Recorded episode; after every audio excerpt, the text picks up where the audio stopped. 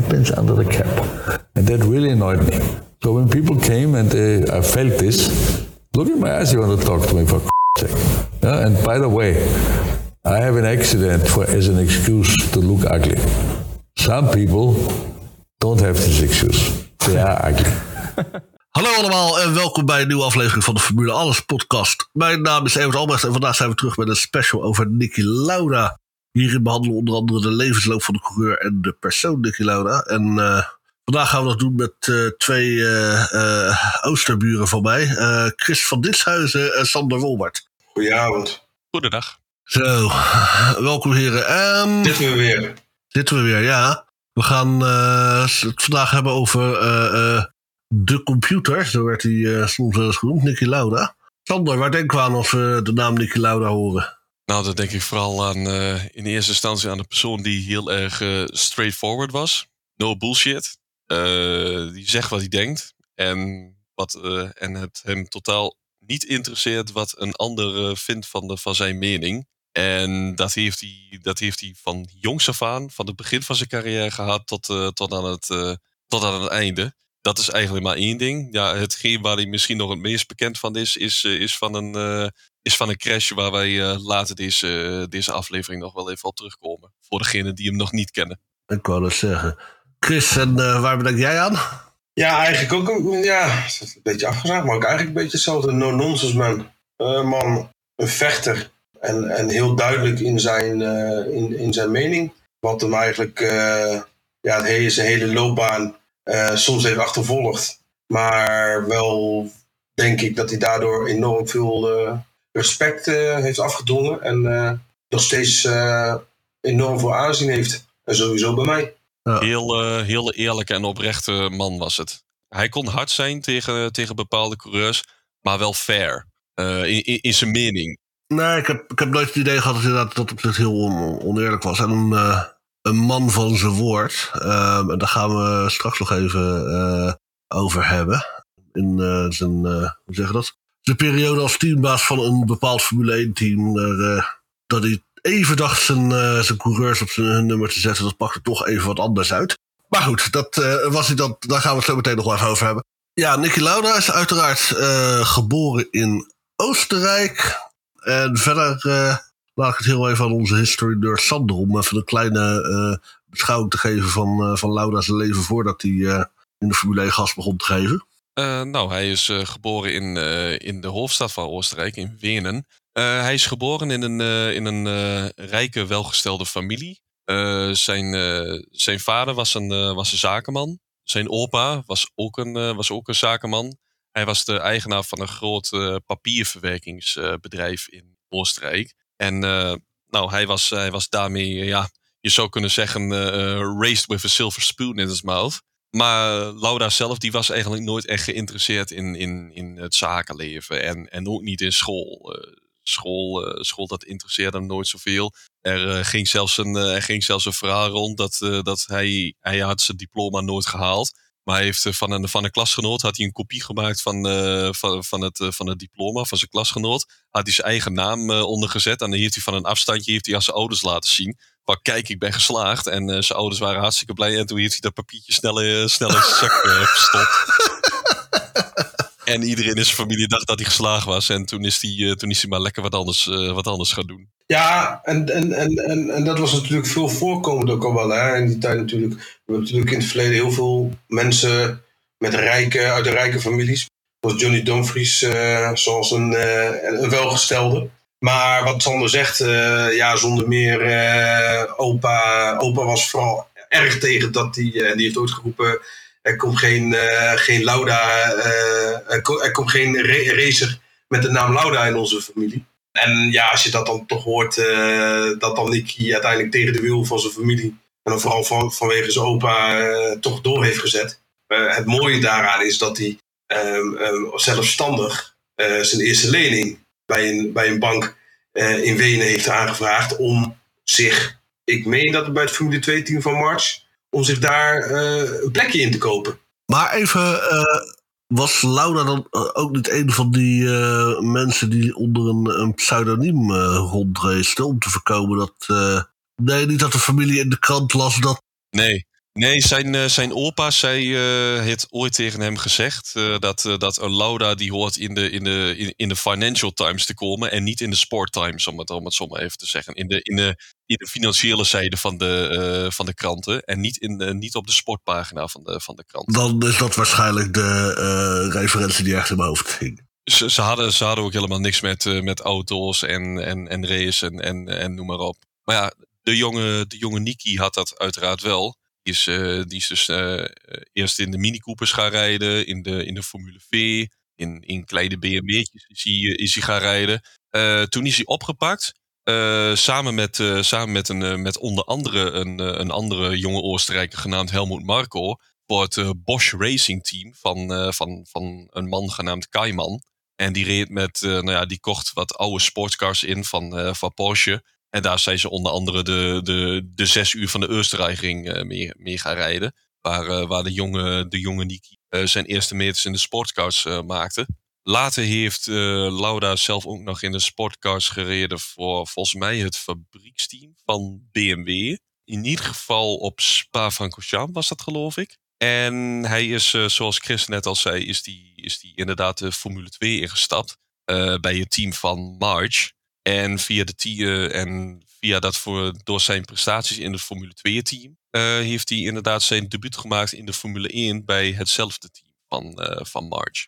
71 hè, was dat? Ja, in 71 reed hij één race op, op Oostenrijk. En vanaf 1972 reed hij een, reed hij volledig seizoen. En ja, dan komen we eigenlijk inderdaad op het verhaal van, van de lening. Want Lauda die wilde eerst een, die had eerst een lening hij had een akkoord, een mondeling akkoord bij een bank voor een lening. Rand stond voor een seizoen bij March in de Formule 1. Alleen later kreeg hij het bericht van de bank dat het toch niet doorging, omdat zijn opa daar een stokje voor gestoken had. die, die was dat te weten gekomen van, van, de, van, zijn, race, van zijn raceambities. En die dacht, als ik, uh, als ik mijn kleinzoon maar, lang, maar hard genoeg financieel blijf saboteren, dan geeft hij het uiteindelijk wel op. En dan komt hij gewoon weer terug in het zakenleven. Ja, en dat, dat was eigenlijk het seizoen 1972 bij hem. Het was een, het was een moeizaam seizoen. Met, uh, met Ronnie Patterson naast hem als teamgenoot. Die, die had dan al wel wat meer ervaring bij, bij March uh, zelf. En die, en die kon wat, uh, en die konden wat makkelijker, wat makkelijker resultaten boeken. Maar met Laura zelf ging het, ging het sportief niet zo heel erg lekker. En, en vooral financieel niet. Hij kon nog wel een lening krijgen bij een andere bank. Maar daarvoor moest hij zijn levensverzekering opzeggen. Dat heeft hij ook gedaan. Een jaar later kon hij, eh, kon hij de kans krijgen bij BRM. Zie daarop uh, min of meer op aanspraak van, uh, van zijn inmiddels gestopte landgenoot Helmoet Marko was hij daar, was hij daar terechtgekomen. Daarvoor had hij wel iets meer moeten lenen van de bank. En wat ik al zei, zijn levensverzekering moeten opzeggen. in 1973 was dat. Ging het in het begin ook niet zo goed. En financieel stond Laura inmiddels zo slecht dat hij zelfs nog overwoog om zelfmoord te plegen dat verhaal heb ik inderdaad ook wel eens uh, gehoord, ja. Even, even, even kort het bocht gezegd, was Lauda eigenlijk gewoon een ordinaire P-driver. Ja, in de eerste jaren was hij inderdaad een, een P-driver. Net als eigenlijk uh, bijna alle talen, beginnende talenten. Nee, dat is ook zeker zo.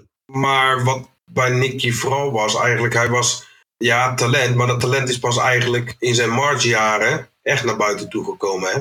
Nou, vooral in zijn BRM-jaren. Ja, nou laat ik het zo zeggen. Ik bedoel, bij de Mars in zijn Marsjaar konden ze al zien dat, dat hij natuurlijk getalenteerd was. Ondanks dat, hè, dat, dat zijn, zijn, uh, zijn uh, hoe zeg je dat? Ja, ik zit in het Duits te denken. Zijn ergebnis.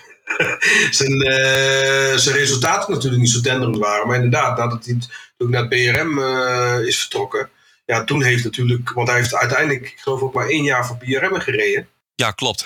Daar, daar had hij dan natuurlijk bij BRM, had hij in dat jaar had hij, uh, onder andere Claire Gazzoni. Zijn vaste teammaat, uh, zijn vaste teammaat was uh, Jean-Pierre Beltois, geloof ik. En uh, Ragazzoni kwam daar toen ook bij bij. Als, ik geloof die hebben één of twee races gereden. Dat ging toen nog een beetje verdeeld. Nee, Beltoise, Beltoise was, de, uh, was de eerste rijder binnen dat team. Was de eerste rijder, ja, was hij, Het jaar ervoor had hij de Grand Prix van Monaco gewonnen.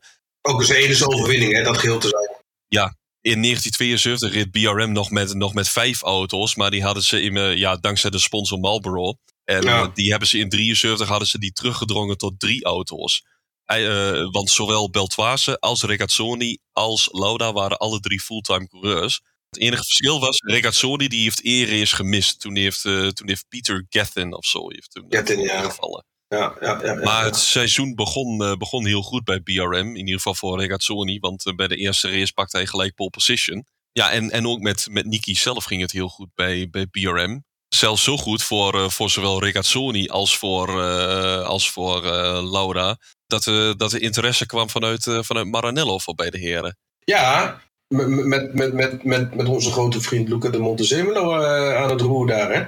Ja, inderdaad. Ja, die, die, kwam wat, die kwam wat later bij het team, inderdaad. Maar vooral bij, ja, bij, bij Ferrari de eerste, eh, de eerste ontmoeting met, eh, met Enzo inderdaad. Dat was, eh, dat was in, in Monaco van 19, 1973. Enzo had al, de, mm, had al overwogen om Riccazzoli terug te halen naar het team na één jaar. Want hij was toch wel enigszins onder de indruk. En nou ja, Jackie X en Arturo Merzario die, die gingen eruit. En uh, Enzo die, uh, die had dus contact met Regazzoni. En toen dat contract getekend was, vroeg Enzo hoe, uh, ja, hoe hem zijn jonge teamgenoot, die jonge Oostenrijker, Niki Lauda, beviel. En nou ja, Regazzoni was zo positief over, over Lauda. In ieder geval de, de development skills van, van Lauda. Het kunnen ontwikkelen van de, van de auto, het beter maken van de auto. Regazzoni die zei maar één ding tegen, tegen Ferrari, die moet je halen. En zo geschiedde het, want de reden dat Enzo geïnteresseerd was in Lauda had te maken met die race op Monaco.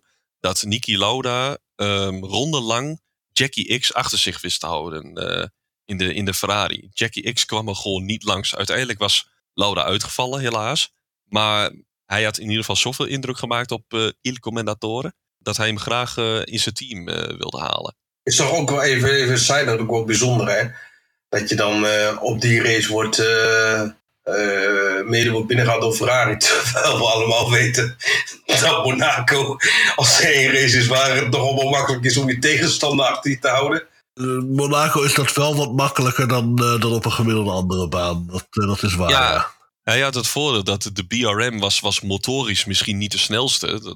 Daar zat een, daar zat een logge lompe V12 motor achterin. Maar aerodynamisch uh, ze, hadden, ze hadden toen Tony Southgate hadden zij als ontwerper. En Tony Southgate staat bekend als misschien wel een van de beste ontwerpers ooit. Je kunt het zien aan, aan, aan de looks van de BRM destijds. De P160 was dat geloof ik. Dat, dat het gewoon een fantastisch mooi ogende auto is. Die, zoals Laura zo mooi zegt, uh, uh, quick in, quick out in, in de bochten. Dat, ja, was, het was de mechanische grip van die BRM, die was zo verfijnd dat gaf hem, uh, dat gaf hem inderdaad die goede kansen op, uh, op Monaco. Maar ook, maar ook het stratencircuit in Montjuic in, in Spanje. Dat, uh, daar, was, daar was die BRM was gewoon uitermate geschikt. Zandvoort deed hij, deed hij het ook goed. Alle circuits met korte, snelle bochten. Dat, dat was ideaal voor de BRM. Ja, een mooie, kleur, mooie, mooie kleursamenstelling.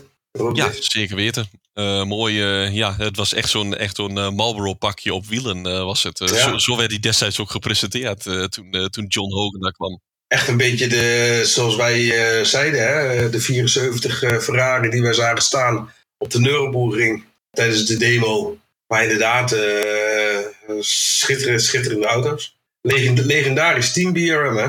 Ja, zeker weten, zeker weten. En dankzij die resultaten bij BRM kwamen we dus bij Ferrari. En uh, nou ja, bij, bij Ferrari, de, de eerste test met, uh, met Ferrari waren na het seizoen 1973. En na 1973 was misschien wel een van de slechtste jaren van Ferrari ooit. Met, die, uh, ja, met een doorontwikkelde versie van de oude 312. Maar ja, Enzo Ferrari zei ooit: Aerodynamics are for people who can build engines. Maar vroeg of laat moest Ferrari om meer te komen ook aan de aerodynamica werken. En nou ja, dat was nou niet zo'n heel groot succesverhaal. En, uh, nou, Ferrari reed, met, uh, reed in 73 met de infameuze Spazzaneve. Ook wel Italiaans voor sneeuwploeg of sneeuwschuiver. um, voor, de, voor, de mensen, voor de mensen die niet weten waar ik het over heb, uh, zoek maar op. Ferrari Spazzaneve op, op Google afbeeldingen. En je, en je schrik je echt laveloos van de afbeeldingen die je dan ziet. Dat was dus het gedrocht waar Lauda zijn allereerste test op mocht, op mocht rijden op, op het circuit Fiorano. Uh, Enzo was erbij, Mauro Forghieri, de ontwerper, was erbij. En de zoon van Enzo, Piero Ferrari, was er ook bij. Piero was toen destijds de persoonlijke vertaler van, van Enzo. Want Enzo die sprak eigenlijk geen Engels. En op dat moment sprak Laura nog geen Italiaans. Dus Laura die rijdt zijn eerste rondjes. stapt de auto uit. Piero komt naar hem toe en die vraagt aan hem wat, wat hij ervan vond. En Laura die zegt letterlijk, ja, wat een scheidwagen. Die vond het gewoon helemaal niks. Piero die schrok, zich, die schrok zich wezenloos. Die zegt, sorry, dit, dit kan ik niet zeggen tegen mijn vader. Het is een Ferrari. Zeg gewoon tegen hem dat, dat die auto niet helemaal goed is. dus, dus Piero die loopt aarzelend naar, uh, naar Enzo toe. En die zegt, uh, uh, ja, Niki zegt dat die auto niet zo goed is. Wat? Niki zegt de auto is niet goed. Niki zegt een Ferrari is niet goed. Dus hij komt er naartoe. Ja, hij zegt dat het een scheidauto is. ja. Ja. En, en ja, die, die, die, stilte, die stilte van, van Enzo Ferrari. Enzo, eh, volgens Niki was, uh, was Enzo Ferrari, die was 30 seconden lang stil. En Niki Lauda, die, die, die zegt daarover, de 30 seconden stilte van Enzo Ferrari was in zijn ogen het meest angstaanjagende moment wat hij in zijn leven had meegemaakt. Niki Lauda, spoiler alert, de man die een minuut lang letterlijk opgesloten zat in een inferno, vond de 30 seconden stilte van Enzo Ferrari het meest angstaanjagende moment uit zijn leven. Die, uh, dat, dat, dat die niet meteen met een paar betonnen schoenen onder in het lange Maggiore lag, dat mag een klein wonder heten. Dat, uh... ja, nou ja, en Enzo die, uh, Enzo die riep Forgeri riep die bij zich. En, en Laura ook. Hij zegt, dit is Mauro Forgeri. Hij is verantwoordelijk voor, de voor het ontwerpen van de auto. Um, Jij gaat samen met hem, jij gaat aan hem vertellen wat er moet veranderd eh, worden aan de auto. Daarna heb je twee dagen de tijd om een snellere ronde neer te zetten. Lukt het je niet, vlieg je eruit. En uh, nou ja, na twee dagen, ze moesten, uh, nou, Laura die legde dus uit wat er verkeerd was. ja, nou, had gigantische last van, van onderstuur. Dus die, die, hele, die, hele voor, die hele voorophanging was gewoon, was gewoon verkeerd. die, die sneeuwploeg die moest eraf de voorophanging die moest, die moest aangepast worden. Het, het, het kostte ze ontzettend veel uh, tijd en, en, moeite om dat aangepast te krijgen volgens Lauda. Maar toen ze, uh, maar toen ze het eenmaal terecht hadden en ze zetten een, een, een tijd neer, waren ze wel achttiende sneller dan, dan met de sneeuwschuiven. Dus dat was voor Niki Lauda. En daarmee heeft hij ook bonuspunten gescoord bij Enzo, gelijk in het begin. Ja, precies. Nou ja, het was, het was natuurlijk wel, uh, en dat even terugkomen op het begin natuurlijk. Uh, ik geloof dat ze dit stukje ook nog hebben verwerkt in een of andere film of zo. Iets met Lauda en Hunt of zo. nou, daar was het iets uitgedikt. Maar... Ja, nee, maar dat was natuurlijk wel Nicky te voeten uit, hè? Ja. uh, even dat terugkomen op het begin. Nee, maar gewoon dus zijn duidelijkheid en, en zijn no-nonsense. Kijk, en in, en in die film wordt het natuurlijk wel inderdaad vrij dik eruit gelegd, hè? hoe die ding is. Maar van hoe wij Nick, althans hoe ik Nick ken, althans hij niet persoonlijk natuurlijk, maar wel van alle verhalen wat ik heb gehoord gelezen. Uh, nee, nee. Dat, nee, is de, enige, de enige reden waarom jij in deze podcast zit. Maar... Is, ja, ja, ja, ja, nee, sorry, dat, dat, dat verhaal van mij, van dat ik ooit een helm over Nicky Lauda heb gekregen. Ja, jongens. Die, die blijven er gewoon, gewoon volhouden. En die helm ligt in de kluis. Dus als je een keer naar Duitsland komen, dan laat ik die helm zien. Uh, nee, maar we komen een keertje op bezoek, zullen we. Ja, precies. Nee, maar dat, dat, dat, dat, dat, nee, maar dat echt dat rechte zee van hem, hè. En dat je dan zelf dus, eh, zelfs de grote baas, uh, want ze zijn wel naar hem gaan luisteren. En, en dat heeft mij soms wel een beetje gestoord van bij mensen, uh, niet met die verre voorloop, maar dat Minneke, hij heeft grote mond, grote dit, grote dinges. Maar hij, hij, hij maakte dat wel waar. Um, um, dus daarom, ja, alom natuurlijk gerespecteerd. Ja. 1974 hebben ze dus, hebben ze dus, dus gewoon een heel goed, uh, heel goed jaar gehad. Regazzoni die, uh, die, werd, die werd net geen kampioen. Dus, dus hoe Ferrari van de zesde plaats in 1973 de tweede plaats in 1974 heeft bereikt. Dat, dat, is gewoon een, dat is gewoon een miraculeus wonder, om het zo maar te zeggen. Dus dat ze al direct meedelen met het kampioenschap, dat laat toch wel zien wat de efforts van, van Niki Lauda was. Natuurlijk niet alleen, want Cleo Ragazzoni, dat was ook geen pannenkoek. Maar eind, uh, eind 1974 uh, want, uh, had Lauda contract weer opnieuw contractonderhandelingen. Want Lauda die had een contract voor een jaar. Die kreeg, die kreeg geen salaris, want nou ja, volgens Enzo moest hij blij zijn dat hij voor Ferrari mocht rijden. En daar zat ook wel een punt in. Maar Enzo, Enzo die, die kocht hem toen af, want hij had nog een doorlopend contract bij, bij BRM. En met het afkopen van het contract eh, hebben ze Lauda ook meteen uit de schulden kunnen halen. Nou, dat is toch, toch, toch, toch, toch wel lekker. Want ja, eh, hij had een lening openstaan inderdaad bij BRM. En eh, dat, dat hebben ze afgekocht en, eh, en, zo, eh, en zo geschiedde het. Hij had dus onderhandelingen voor een, eh, voor een nieuw contract. En, eh, en nou ja, Laura zou een salaris gaan verdienen. Eh, zoveel, zoveel was duidelijk. Dat was in ieder geval overeengekomen met, eh, met Enzo. En Laura zat te denken aan, aan een salaris. Ja, ja, dus zij zat een beetje rond te kijken. Ronnie Patterson was een persoonlijke vriend van hem. En dat was op dat moment de grootverdiener eh, binnen de Formule 1. Ja, vooral met dank aan sponsor John Player eh, bij eh, Lotus. Patterson die verdiende toen iets van 300.000 pond per jaar. En dat was voor die tijd was dat best, best behoorlijk bedrag. Ja. En Laura had die som in zijn hoofd zitten en, en uitgerekend naar, eh, nou ja, nou ja, je had eh, de pond en de dollar, die lagen, ik weet niet hoe de wisselkoers precies in elkaar lag dat, dat moment, maar de pond en de dollar lagen ongeveer gelijk aan elkaar. Eh, daaronder had je de gulden en de Duitse mark die ongeveer gelijk lagen aan elkaar. En net daaronder zat bijvoorbeeld de, ehm, net daaronder zat bijvoorbeeld de Oostenrijkse shilling. Dus ja, 300.000 ton, dat was dan ongeveer eh 3 miljoen Oostenrijkse shilling. Nou toen Enzo aan hem vroeg, wat, wat denk jij in je gedachten te hebben? Wat wil jij gaan verdienen? Zei je dus 3 miljoen Oostenrijkse shilling. En eh, Enzo, die zit achter zijn bureau, die, eh, belt zijn, eh, die belt zijn accountant op. Een man genaamd, genaamd De La Casa. En hij vraagde hem, en dan op mijn beste Italiaans... Quante lire 3 milioni di shillini? Dus hoeveel lira is eh 3 miljoen Oostenrijkse shilling? Voordat ik verder ga, als er één munteenheid destijds extreem gevoelig was voor inflatie, dan was het wel de Italiaanse lira. Dus hoeveel, ja, 3 miljoen shilling, nou, hoeveel lira zal wel, wel niet geweest zijn. Dus Enzo, die is aan de bellen. Zijn accountant aan de andere kant, die, die rekent dat uit. Wat? Hij gooit de hoorn op de haak. Staat te voeteren en te schreeuwen tegen Lauda. En de gepassioneerde Italiaan die, die Enzo Ferrari is, daar heb ik dan van die gebaatjes. eh je, Nou, bij dan, een, dan gaan we eh, hele hoge gedacht. baasjes en eh, Ja. En Enzo, Enzo zou iets geroepen hebben. Waar haal je het lef vandaan om zoveel geld te vragen? Una Ferrari. Het, het, het is een Ferrari. Je, je moet blij zijn dat je voor Ferrari mag rijden. Ja, goed, zegt Laura. Het, is een Ferrari. Maar eh, ja, het heeft nog steeds een coureur nodig om de auto snel te kunnen laten gaan. Dus, dus Enzo, ja, ja eh, eh, hakkelend en, en, en al eh, neemt hij weer contact op met zijn, met zijn accountant. En, en, ja, en ze lopen te discussiëren met elkaar en zegt... Ja, het, is ook niet eerlijk, eh, het is ook niet eerlijk als, als, hij, eh, als hij het niet krijgt. Eh, vraag anders aan die Engelse teams wat zij aan de coureurs geven. En nou ja, zo geschiedde het. Laura kreeg zijn gewenste salaris. het, had, het, het had trouwens ook nog, ook nog heel anders kunnen, eh, ehm, kunnen gaan. Bij Ferrari ging het op zich, op zich prima. Maar een aantal jaar later, als ik even een uitstapje mag maken. Nou, er was een verhaal bij, bij Ligier ooit. Bij het Franse team van Ligier.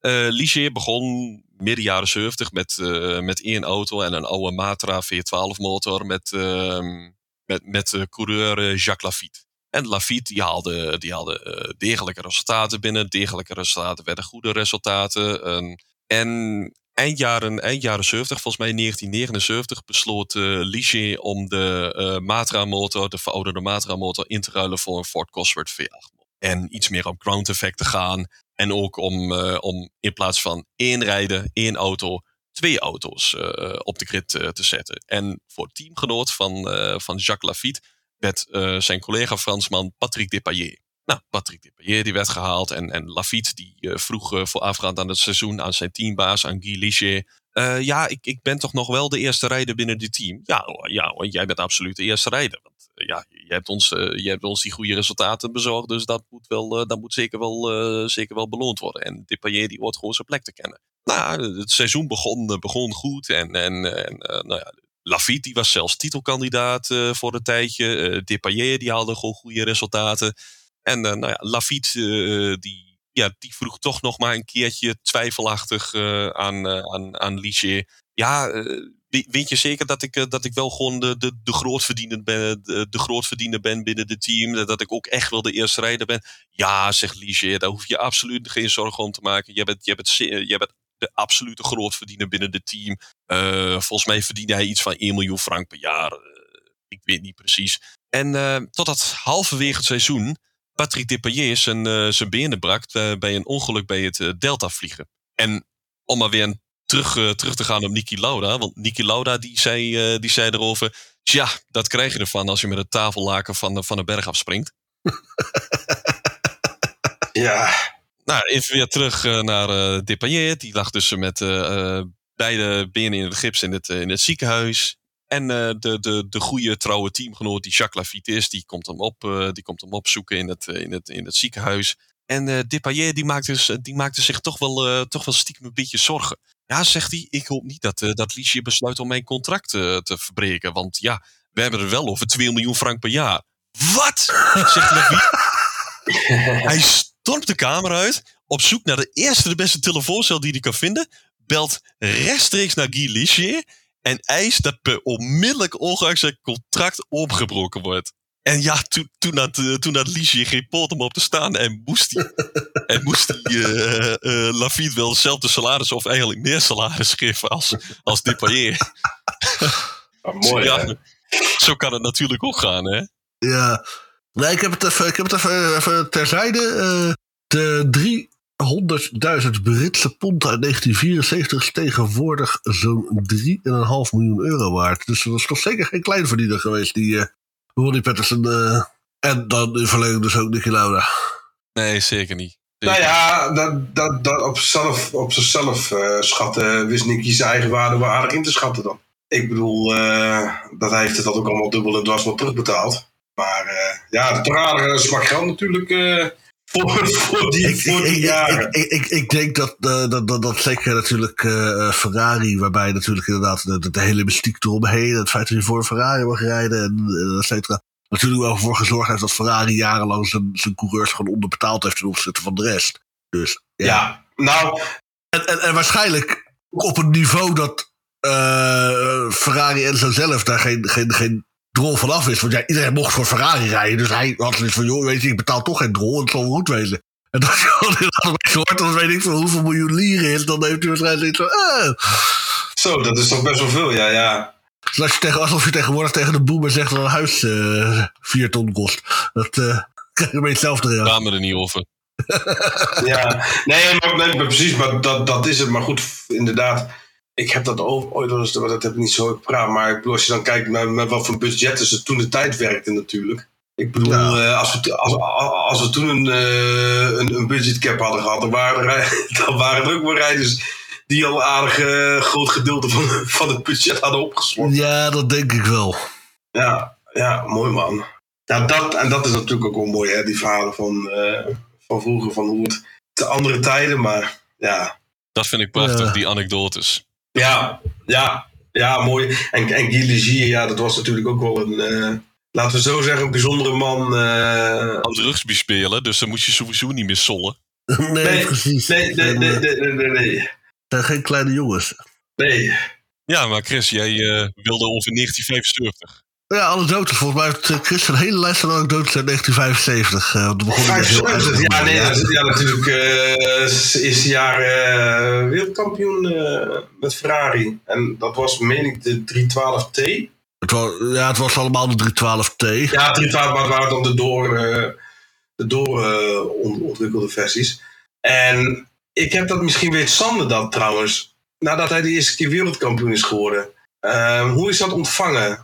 In, in Oostenrijk en dan met name bij, uh, bij, bij de familie? Nou, ik weet dat uh, zijn opa was al overleden voordat hij zijn eerste overwinning behaalde in, uh, in, in 1974. En zijn familie had het, Laura heeft er wel kort iets, ooit iets over, over gezegd. Zijn familie had het wel enigszins gevolgd. En ze, ze hadden hem er ook wel mee gefeliciteerd. Maar nou ja, problemen met zijn vader en moeder had Loda niet zo, niet zo erg als, dat ze, als met zijn opa. Maar ik heb altijd wel begrepen, want daarom daar ik dan dat, dat ook wel vader Lauda natuurlijk wel, uh,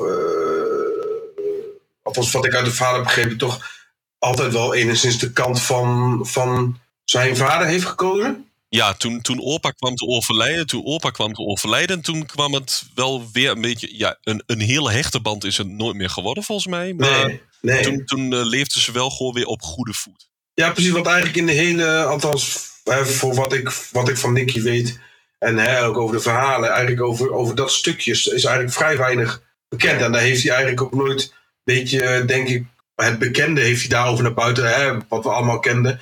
Dat, ze, dat, ze, dat zijn opa van hem eigenlijk heeft gedistanceerd. Dat is eigenlijk wel, maar eigenlijk van hoe ze, echt ook in zijn directe familie, eh, is dat eigenlijk helemaal niet zo weinig, hè? Wij, weten meer, uh, er, er zijn meer verhalen bekend over zijn opa dan over zijn vader, inderdaad. Hij, hij, heeft, hij heeft vaker iets over zijn opa gezegd dan, dan over zijn vader. Het, het, enige wat ik weet van zijn ouders is, is dat zijn moeder Elisabeth heette. En dat, en dat, kwam, uh, nou ja, dat kwam te sprake omdat, omdat iemand aan hem vroeg of hij, of hij het nummer van Almklausie geluisterd had, Mama Lauda. Wie heißt die Mutter von Niki Lauda? Mama von Niki Lauda? Mama Lauda, Mama Lauda. ja, ja daar, daarin wordt gezongen wie is die moeder van Niki Lauda. En Niki had er zelf op gereageerd. Uh, de naam van mijn moeder is Elisabeth. Zo weten we weer wat. Toch een mooie naam. Heette de moeder van Michael ook niet Elisabeth? Geen idee. Maar ja, als ik denk aan Elisabeth en ik denk aan Oostenrijk, dan denk ik aan Sisi. Sisi. Ja, ja. En dat waren de laatste luisteraars vertrokken. ja, maar ja, het is, uh, het is gelukkig nog geen kerst. Dus, uh, nee, precies. Uh, 1975, toch? Hadden we het over. Ja, kampioen. Ja, zijn eerste kampioenschap, ja. Uh, het was inderdaad de 312 T, T in 75 nog. De T2 kwam ja. pas, in, pas in 76, ja. Ja, precies. Dat was het jaar 76. Ja, wij, ja uh, Lauda was eigenlijk al een held in Italië toen hij tekende voor Ferrari. Maar ja, uh, toen hij ze weer wereldkampioen maakte. Voor de eerste keer sinds John Surtees in 1964. Ja, dan, dan, kun je gewoon niet meer over straat in, in, in Italië hoor. Zonder dat, zonder dat iemand je kent. Nee, en dat, ja, dat, maar goed, dat, dat is hem natuurlijk te deel gevallen. Dat zijn er, sinds Michael is dat natuurlijk nog maar eentje te deel gevallen. Maar dat is natuurlijk ook wel, althans denk ik ook wel, daar heb ik Nicky ook wel eens een over horen doen. En dat is even vooruitgaand op wat nou. Dat hij dan ook eigenlijk heeft gezegd van ja, achteraf had ik nooit weg moeten gaan bij Ferrari. Ja. Um, um, en dat was denk ik ook wel mede om, van dat hij natuurlijk ook wel inzag van ja, wat hij met Ferrari had gepresteerd, neergezet. Dat het dan, dan natuurlijk eigenlijk uh, zo groot heeft gemaakt, waar hij zelf wel eens van heeft gezegd van ja, daar had ik eigenlijk veel meer uit, uit kunnen en moeten halen. Maar ja, dat dan ook denk ik wel weer zijn, nou ja, daar komen we zo meteen natuurlijk op terug. Waarom hij uh, Ferrari heeft verlaten. Ja, ik denk, dat, ik denk dat zijn karakter daar natuurlijk ook wel uh, een rol in heeft gespeeld. Hè? Wat hij zelf zei, hij was zeer emotioneel. En ik geloof dat de beslissing om bij Ferrari weg te gaan, dat dat enigszins ook wel een beetje daarmee gepaard uh, met zijn emoties dat had ook een beetje te maken met, met de manier hoe bepaalde mensen binnen Ferrari met hem omgegaan zijn na, dat, uh, na een bepaald jaar. En, en een bepaald verlopen seizoen, uh, om, het, om het zo maar te zeggen. Maar ja, ik denk misschien dat het het juiste moment is om daar, om daar, nu, uh, om daar nu op te komen. Naar, naar hoe, hoe de relatie van, en, van met, met Ferrari ten einde gekomen is. Wat daaraan vooraf gegaan is. Want daarvoor moeten we naar het jaar 1976. Daar, uh, daar zat hij in de, titel, uh, in de titelstrijd verwikkeld met, uh, met James Hunt. Die, die recent, die op het laatste moment door McLaren gesigneerd was. Omdat, omdat Enzo sympathie had voor zijn broer. Of Emerson had sympathie voor zijn broer. En die, en die is Emerson Fittipaldi. En, en nou ja, er waren geen, geen topcoureurs meer, meer beschikbaar. die hadden allemaal al een, al een langlopende deal bij, bij verschillende teams. De enige die nog beschikbaar was, was James Hunt. Omdat, omdat zijn team Hesketh net, uh, net failliet gegaan was. En uh, nou ja, James Hunt die was daar op voorspraak van John Hogan. De, grote meneer van Marlboro. Die was, uh, was daar gekomen. En men had in eerste instantie hadden ze hun twijfels bij, bij de kansen van Hunt en McLaren. Maar of Hunt daadwerkelijk een titelkandidaat kon zijn. Maar Hunt die bleek, die bleek het verrassend goed te doen bij, bij McLaren. En Lauda had ja, Lauda had met Ferrari hadden ze wel de upper hand uh, dat, uh, dat seizoen. Wel, wel enigszins de bovenhand. Maar als ze uitvielen, of het liep even tegen, dan was het, daar waren James Hunt en McLaren er als de kippen bij om daar keihard van te profiteren. En nou ja, het, het, was een heel spannend seizoen. En het werd eigenlijk alleen nog maar spannender. En dan, en dan kom ik bij Chris. Bij, uh, vanaf 1 augustus 1976, Grand Prix van Duitsland. Ja, dat natuurlijk, maar het begon dat in 75, meen ik als ik dat goed heb, Spanje, dat Hunt werd gedisqualificeerd. Het was in 76, was het inderdaad, ja. Ja, Hunt werd in eerste instantie gedisqualificeerd omdat die auto te wijd zou zijn. eh, twee inches te wijd. En dat werd aangevochten door McLaren. En hij heeft, later die, hij heeft later die punten weer teruggekregen. Maar dat was. Maar die punten die kreeg hij pas terug eh, eh, na Duitsland. Dus, na, eh, dus bij de Grand Prix van Ja, Oost- precies. Dat was ook dat, na een paar races was dat pas her, eh, herzien, hè? Want, want Hunt, eh, Hunt die had, ook, eh, die had ook de Grand Prix van Groot-Brittannië op Brands Hatch had hij gewonnen. In eerste instantie. En dat is later toen er ook teruggedraaid. Maar hij is, eh, maar hij is, hij is later, nog weer later in het seizoen, vanaf Watkins Glen of zo, was hij gedisqualificeerd. Omdat, hij, omdat die auto, die, de auto die werd aangepusht door marshals. Oh ja. Dat, was het, dat was het volgens mij. Nou ja, kijk, als, als, als Felipe Massa een beetje geluk heeft met zijn rechtszaak, dan, kan, eh, dan kunnen de erven van Lauda kunnen dat nog allemaal aan gaan vechten. Dus. Ik, ik, nou, met, alle respect, ik dicht, de, ik dicht de nazaten van Lauda toch iets meer, eh, iets meer IQ toe dan de familie van Massa, hoor. En Massa zelf, maar goed. Ja, nee, natuurlijk wat Sander zegt, eh 76 natuurlijk. eh Noordslijven, waar het in bergwerk en, en het was, en dat heb ik later gehoord, eh, dat heeft Arturo Mesario herhaaldelijk gezegd. Het werd, het werd gedaan eh, althans, een van de versies die ik heb gelezen, werd gedaan alsof Nicky nooit, als- alsof Nicky geen fout had gemaakt. Hè? Ehm, maar Arturo Mazario, die zat achter Nicky Lauda. En hij zegt, ja, op het begin van de race had het een beetje geregend. Dus het was een beetje vochtig. Ja, een beetje van die damp, damp conditions, weet je wel. Ja, hij was op, op, op regenbanden vertrokken en toen na de eerste ronde Ja. hij zoiets van ja, nee, dit, dit, dit wordt hem niet. Dus toch, toch nog naar slicks en Ja, en, maar, maar Mazario heeft wel gezegd van dat het toch eigenlijk gewoon door een stuurfout van Nicky zelf, ehm, dat hij hem in bergwerk verloor. Ehm, ja, en dat is natuurlijk eh, voor heel veel mensen natuurlijk wereldwijd waar, waar ze Nicky, eh, Nicky Lauda van kennen. Dan weet je natuurlijk zijn, zijn crash op de, op de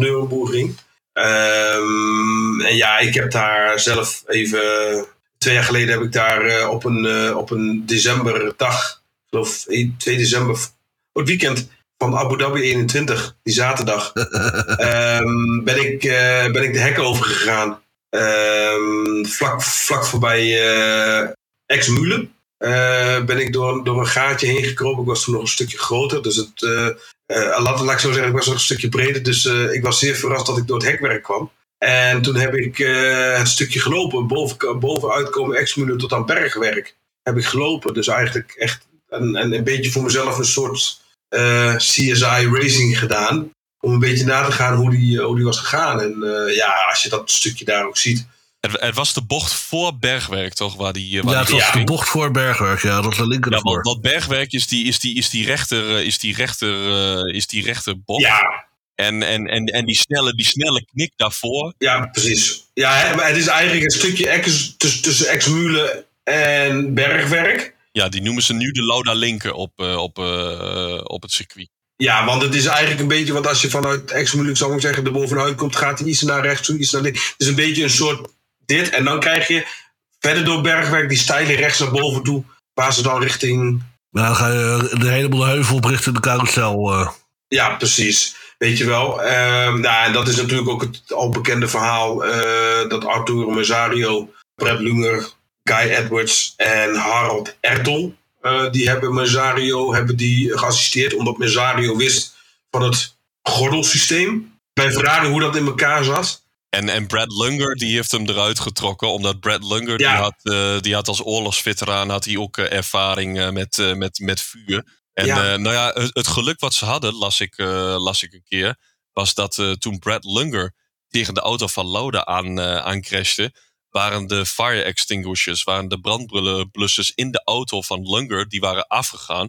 Waardoor het vuur enigszins gedoofd werd bij, bij Lauda. En dat is, ook goed te zien, dat is ook goed te zien op die foto's, hè? Waar die auto op een gegeven moment aan de linkerkant van, van de baan staat. Dan zie je dus op een gegeven moment al dat witte spul eh, wat uit die brandblussers kwamen, uit die Ja. extinguishers kwamen. Die auto had dus al half eh dinges. En dat is nog een stukje wat ik jou zei toen we naar de Nürburgring gingen. Lauda is ook, en correct me if I'm wrong, maar ik meen dat er op een gegeven moment een beetje consternatie bestond. Waar ze Lauda van, van het, van het circuit af moesten krijgen. Omdat niet overal was er een mogelijkheid om hem van het circuit af te laten. En bij een, een helder moment van Brett Lunger, van Brett Lunger, oud veteraan, ook in Amerika, heeft hij, of in, in Duitsland heeft hij Ja, hij heeft heel even in Duitsland gestationeerd gezeten, ja. eh, wist hij dat er bij Adenau, dat daar, waar wij dus ook langs zijn gereden, waar ze op een gegeven moment over de weg komen, eh, dat daar een, eh, om hem daar eruit te laten. Ja, maar dat is wel een stukje terug vanaf waar hij gecrashed is.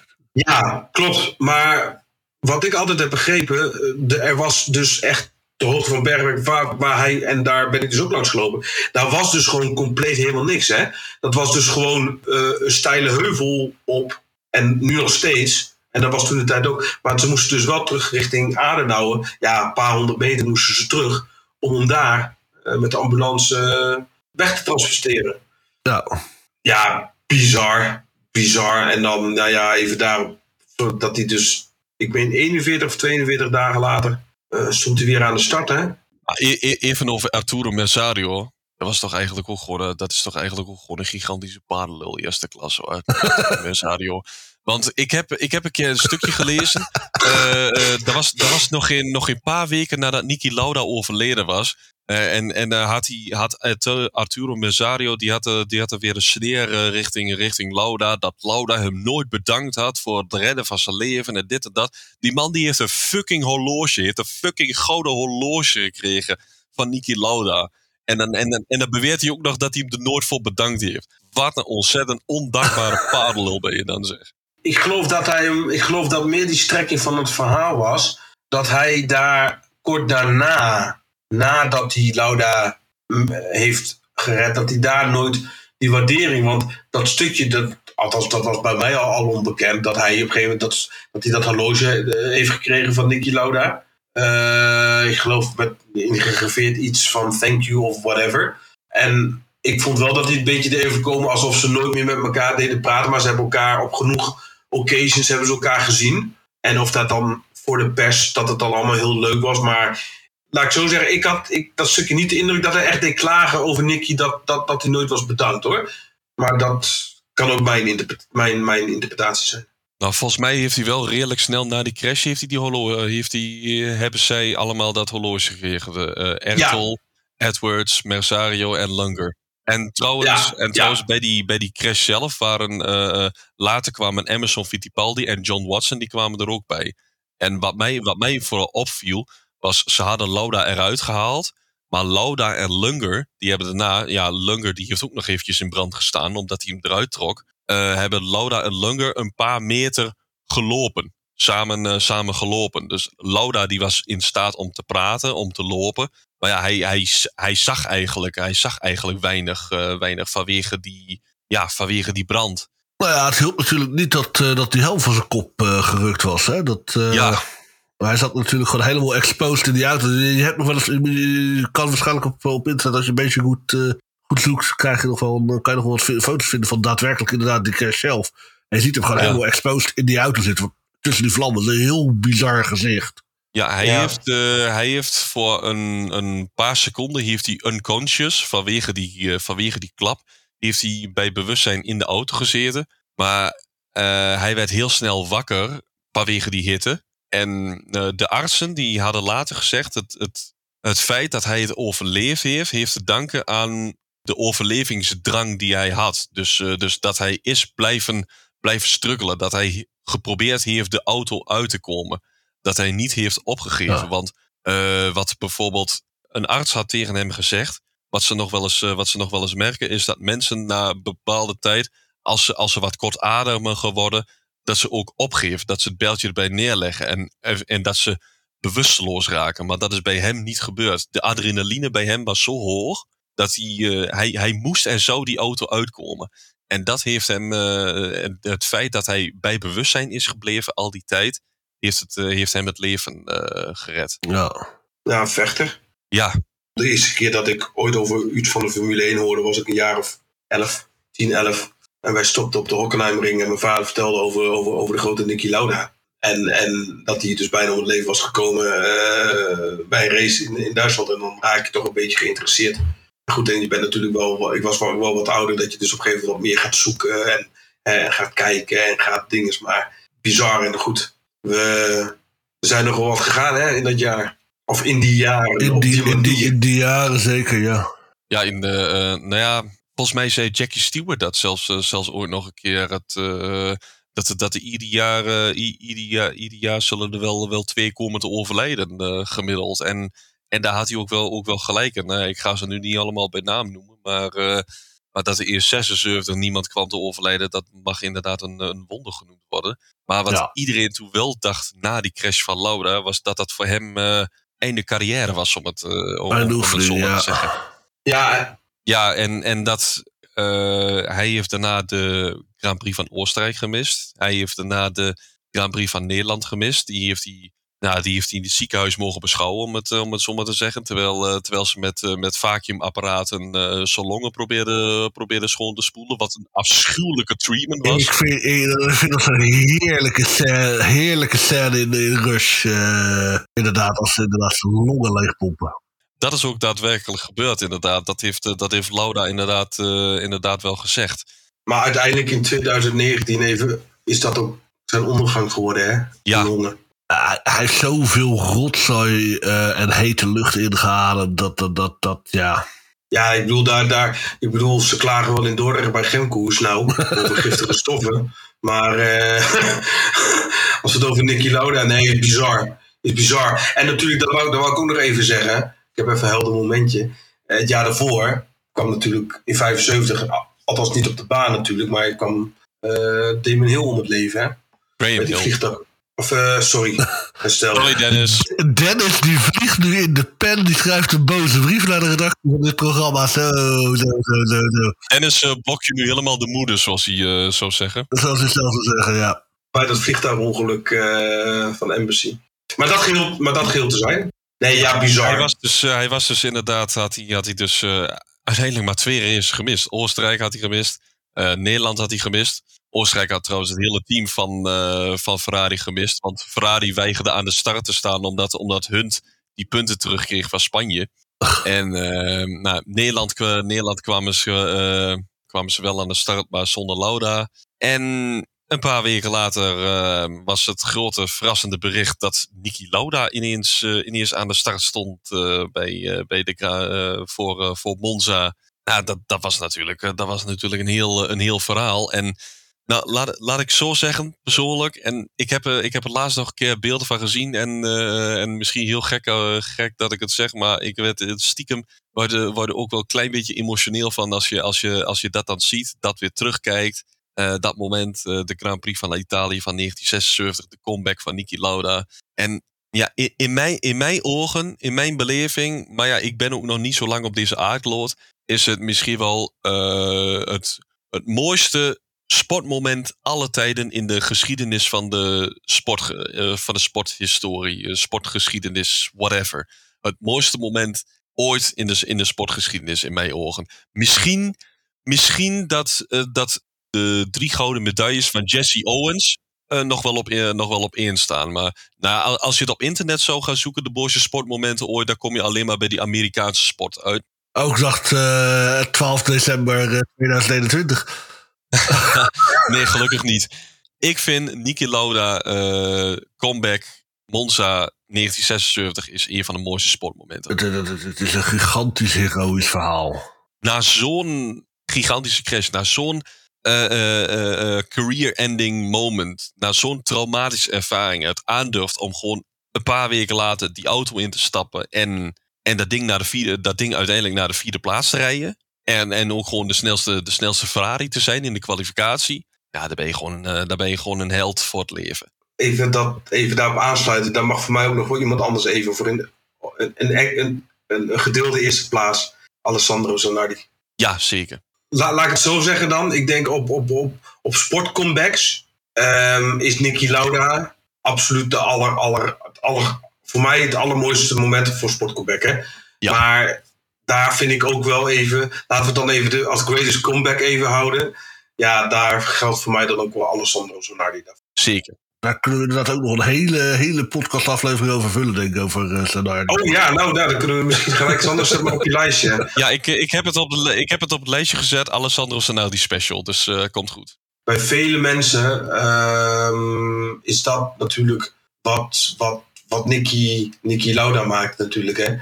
Die, die, zijn comeback, nou ja, wat ik zeg, 41 of 42 dagen na uh, de Grand Prix van Duitsland. Ja. Met misschien 20% functionerende longen. Nou ja, zijn, zijn, zijn, zijn, zijn, zijn helm was natuurlijk, weet je, hij zat nog gewoon helemaal in het verband met zijn hoofd. Uh, omdat ja. al die huid ja. uh, half getransplanteerd en weet ik veel wat. was gewoon één grote bloederige, pijnlijke pleurenzooi. Ja, dat, dat zei ja. hij zelf ook toen hij die balaclava opdeed. Toen, toen, toen had hij het bloed. Uh, hij, hij deed de balaclava amper op. Of hij had het bloed had hij, had hij er al wel aan de zijkant zitten.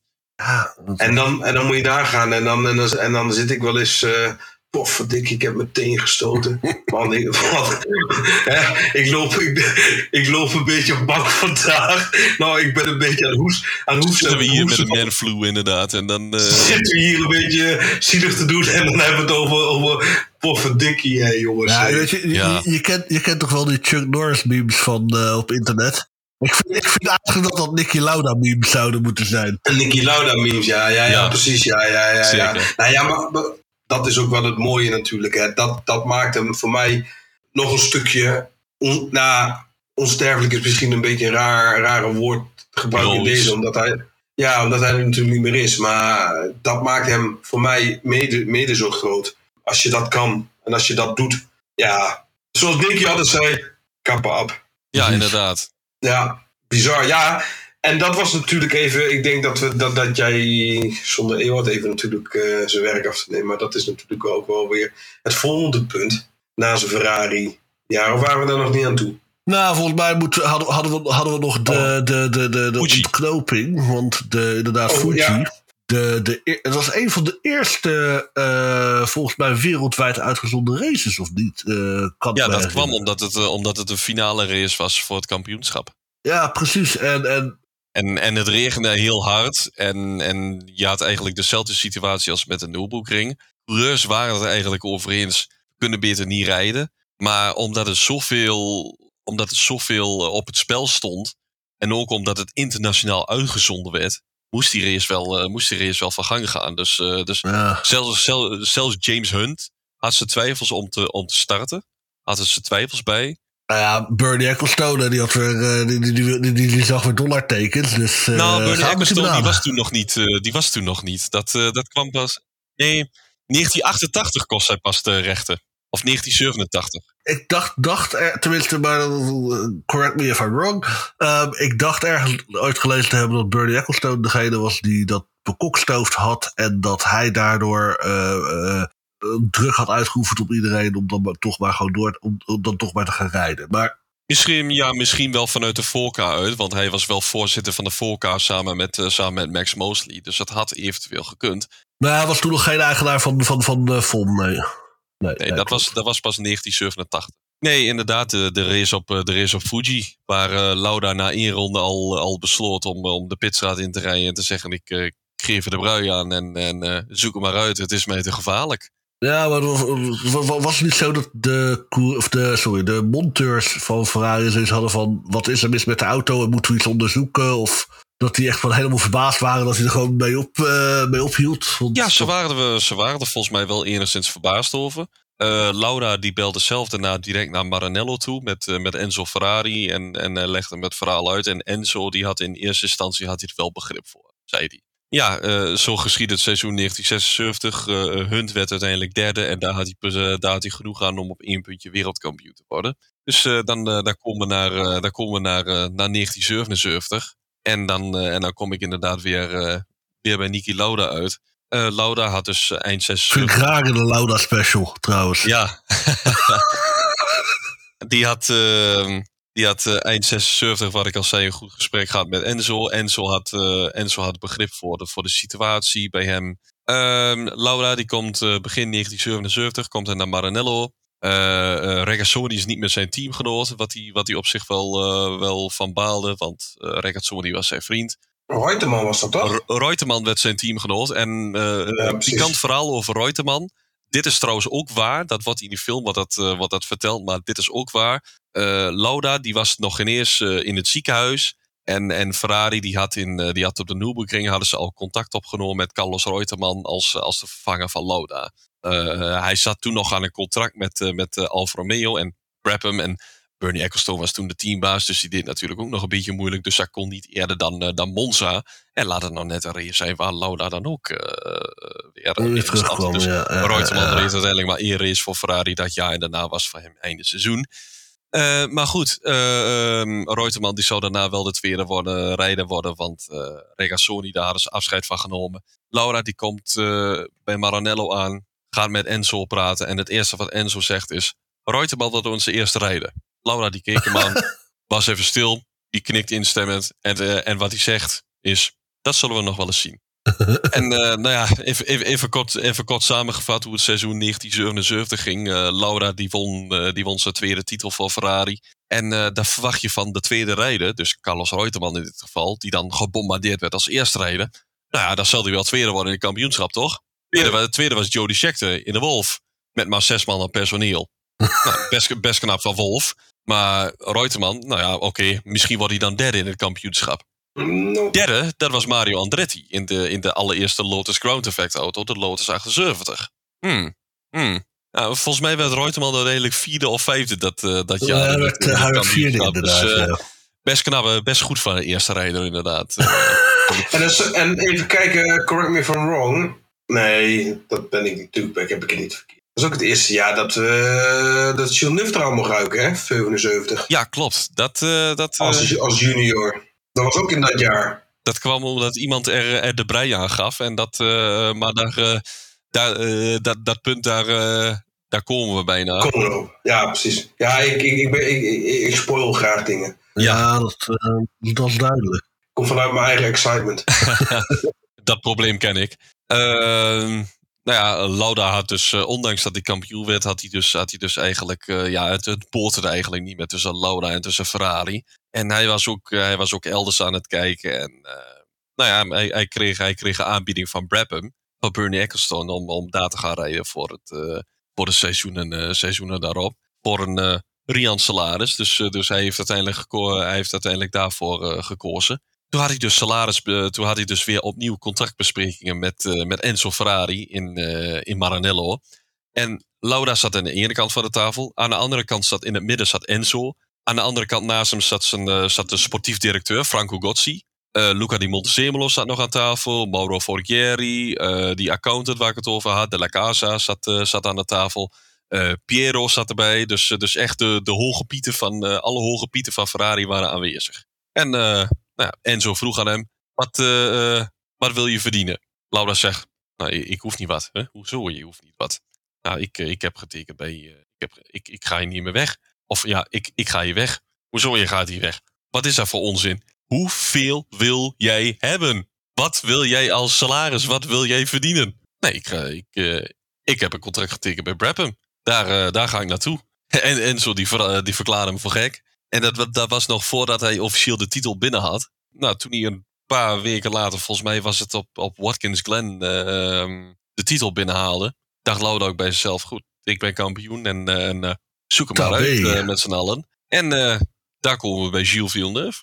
Die, die jonge Canadees, die, die had bij test had hij genoeg indruk achtergelaten bij Enzo Ferrari. Dat hij, dat hij rondjes mocht gaan rijden voor de, de Scuderia. Ja, niet dat dat heel denderend ging uh, in Fuji, maar... Uh... ja, ja, het uh, was wel een beetje een brokkenpilootje inderdaad. Daar, daar, daar, las ik trouwens ook nog wel een, wel een stukje over. De eerste test van Enzo, of van Gilles Villeneuve. Toen Enzo Gilles Villeneuve zag, liet hij hem denken aan Tazio Nuvolari. Wat weer een coach is voor, voor Chris.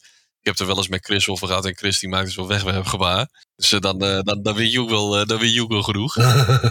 Hij heeft toen één, één race gereden bij, bij McLaren. En ehm, nou, bij McLaren heeft hij wel in, indruk achtergelaten, maar McLaren wilde toch niet met hem door. Dus, dus toen hebben ze Gilles Villeneuve hebben ze, hebben ze bij Ferrari laten testen op, op Fiorano. En ondanks dat hij, dat hij langzaam was en, en veel crashte, toen al, op, op Fiorano met testen, met, met testen, hadden ze wel de indruk, ja, dit wordt hem. eh, hier gaan we weer door. Hoe Enzo daar ooit op gekomen is, is, is een groot raadsel. Maar het is. eh, maar goed, eh eh, Gilles Villeneuve mocht dus inderdaad voor Ferrari rijden. Nou, dat, eh, dat was seizoen 1977. Dus dan. eh, En er was ook, het- ook het jaar natuurlijk, dat was, was toch dat Andretti dat jaar meer overwinningen haalde? Yes. Die haalde dat jaar er, eh, even tellen, 1, 2, 4. Vijf, vijf om vier? Zoiets was dat? Of 1, 2, 3, 4, 4 op 3. 4 op 3. vier om drie was Dat ja. had er Ja, ook 3. ja precies. Hun hadden ook nog 3. Oké, oké. Ja, nee, dat van, dat van Andretti. en Laura was heel consistent. Ja, en dat was ook het jaar dat Toby Price om het leven is gekomen Ja, in Zuid-Afrika. En dat was ook het jaar dat Carlos Pace is overleden. ja. Dus dat, memorabel jaar. In veel opzichten toch wel. En dan zeker, eh, zeker voor, voor Nicky Lauda. Ja, en dan gaan, daar komen we natuurlijk nu vanzelf op zijn, eh, eigenlijk, toch wel zijn drie minste jaar, of niet? Twee. 2. Oh, Ja. oh, sorry, 7, 8, nee, ja, precies. Ja. 78, 79. 78, 79 bij, eh Is het twee minste jaren eigenlijk, bij hè? Brabham. En dan met één mooie overwinning natuurlijk, op Anderstop. Ja, met de met de fancar. fancar. De BT64B. Precies. Dat, dat hebben we nog partijen, uh, ingenieurskunststukje, dat, eh boah. Ja, bizar. Daar kan je alleen maar, kan je alleen maar waardering voor hebben dat ze dat, eh, dat, ze dat uitgedokterd hebben. Het hoge hoed van Gordon Murray. En dat was toch eigenlijk ook wel een beetje des, des Ecclestones, des, des, des Brabham, hè? Eh, tegen, alle, tegen alle regels in. En de, FN de FNE had al gezegd van dat, ze dat, dat ze dit niet goed, goed zouden keuren. Hè? Maar toch hebben ze die auto de baan opgebracht. Hè? Ja, je had toen bij Brabham had je inderdaad Bernie Ecclestone als teambaas. Je had Gordon Murray als ontwerper. En je had geloof ik als teammanager of als sportief, eh, sportief directeur. Beetje zeg maar eh, de, eh, de, de, de functie die Jonathan Wheatley nu heeft bij Red Bull. Dat was destijds Charlie Whiting. Oh ja, dat is waar, ja. Charlie Whiting, Charlie Whiting had je daar toen, Herbie Blash had je daar toen ook nog. Die, Herbie die, Blash die ook, ja. werkte later allemaal voor de FIA. Eh, Charlie Whiting, om eh, even een uitstapje te maken naar Charlie Whiting, die is later race-directeur geworden bij de FIA. Scheidsrechter, of hoe je het ook wil noemen. Ook op, op, eh, op voorspraak van Bernie Ecclestone en, en, en Max Mosley. Voornamelijk van Ecclestone. En Ecclestone die had, er toen, eh, die had er toen bij gezegd, om een boef te kunnen vangen heb je een boef nodig. Of je hebt een boef nodig om een boef te kunnen vangen. Want, eh, nou ja, eh, eh, ja, zoals jullie net al zeiden bij, eh ehm, bij Brabham, ze nog wel eens een beetje van de regeltjes omzeilen. En daar had je creatieve mensen voor nodig. En Ecclestone, Murray en ook Charlie Whiting waren creatief genoeg om de regeltjes te omzeilen. Ja. Nou, vol, ah, officieel is hij eh, trouwens eh, nooit verboden geweest, hè, die fancar. Nee, maar ja, na, na, Nee. kla- na klachten van andere teams eh, hebben ze. ehm, Bernie Ecclestone heeft inderdaad besloten om gewoon terug te trekken uit eh, voor het eh, grotere belang van de sport, om het zo maar te zeggen. Oftewel, die was op dat moment alweer 26 stappen vooruit aan het schakelen, want die wilde natuurlijk in 1987 die rechten kopen. Dus die moest wel zorgen dat hij alle teams eh achter zich aan had. Achter hem had staan. Ja, ja, ja. ja, ja. Hij is nooit verboden geweest in dat opzicht. Alleen ze hebben wel zoiets gehad van, ja, misschien is dit niet helemaal de kant die we op moeten willen met z'n allen. Want Ja. het ding was ook nog zodanig dat als je sneller door de bochten wilde gaan, dat je dus gas moest geven, zodat de turbine harder begon te zuigen. Je dus meer neer, Nee, maar meer, neerwaartse druk creëren. volledige tegenovergestelde doen wat als je normaal een bocht zou doen. Ja, Maar, maar, maar ze, ze klaagden volgens mij ook over, ook over opkomende, opkomende debris of, of, of eh, steentjes. Oh, dat eh, die, zou eh, zomaar kunnen, ja, dat die, geloof die, ik van, eh, die door de ventilator omhoog eh, eh, geblazen werden, om het zo maar te zeggen. Ja, Anders krijg je zo Helmoet eh, eh, idee. effect, ja, precies. effect. Ja, ja. Maar, toen, maar, maar, maar toen bestond er dus al eh OnlyFans. Nee, niet? Laat maar. Ah, godsamme. Nee, die blijft er gewoon in hoor, dat is heerlijk. Oké, oké, oké. Nee, maar inderdaad. Nee, ja, maar eigenlijk bizar. Maar ik heb wel begrepen dat toen vanaf het begin eh, had de FIA toch al gezegd van nou, hier gaan we eigenlijk niet mee akkoord.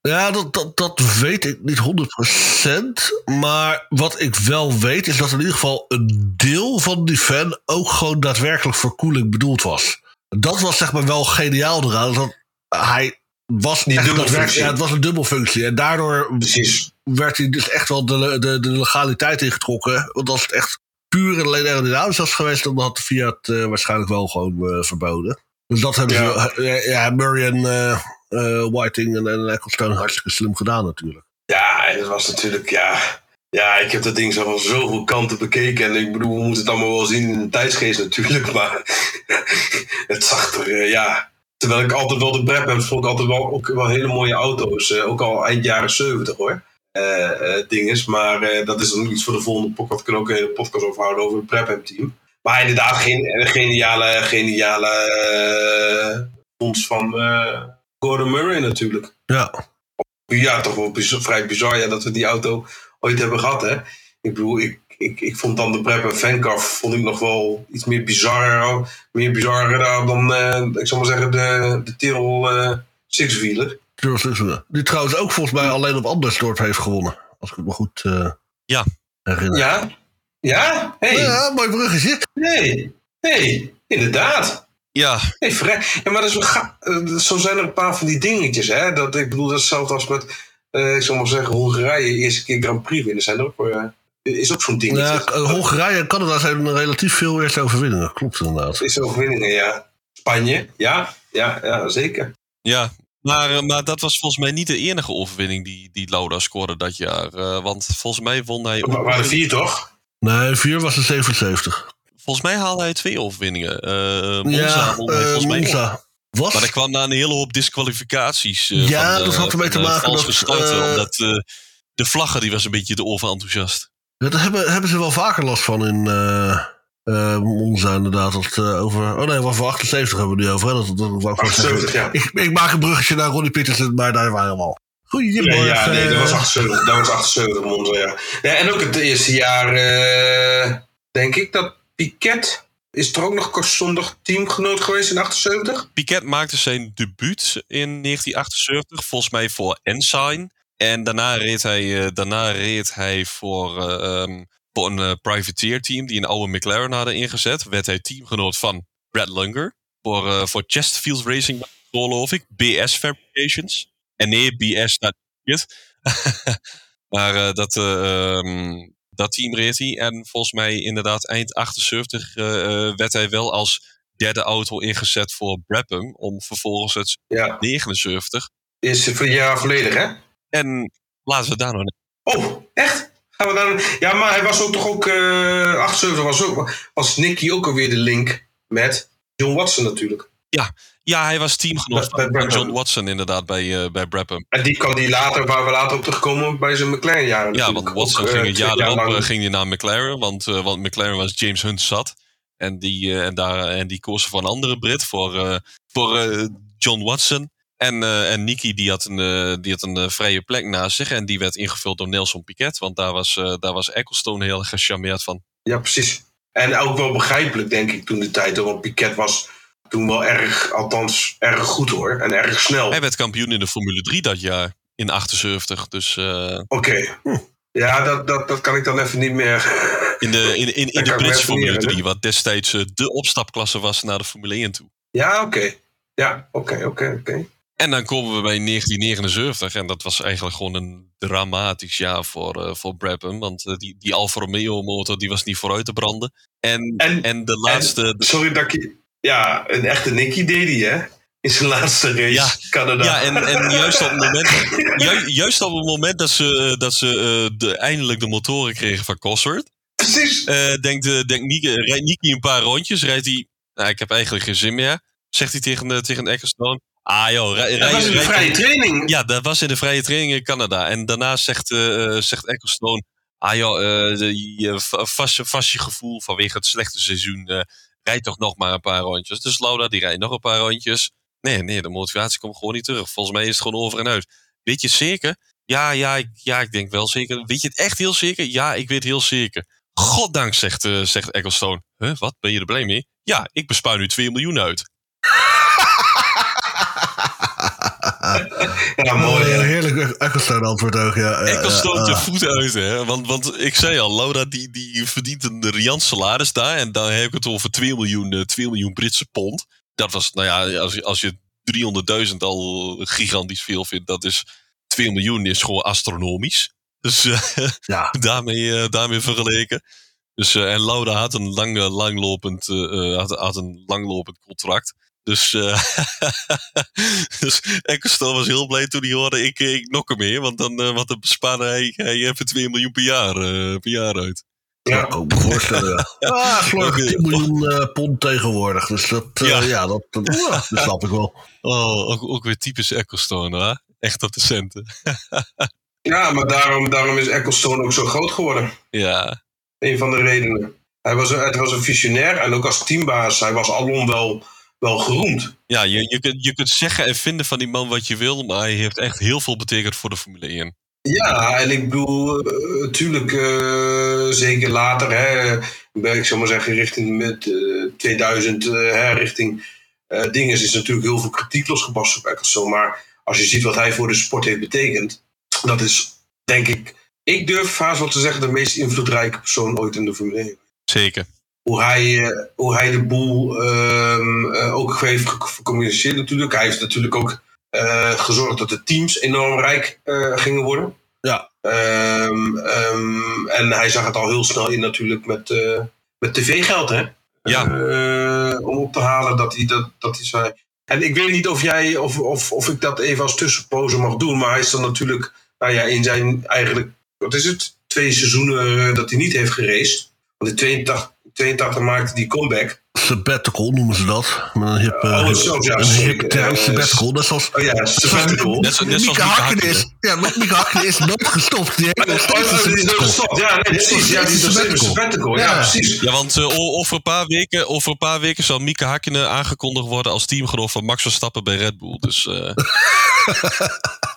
Nou, ik denk, ik denk dat hij na een paar rondjes nog steeds mee kan. Nee, maar dat uh, gekheid zijn. Maar toen heeft hij eigenlijk ook al even, want daar komen we waarschijnlijk later ook nog wel even langer op terug.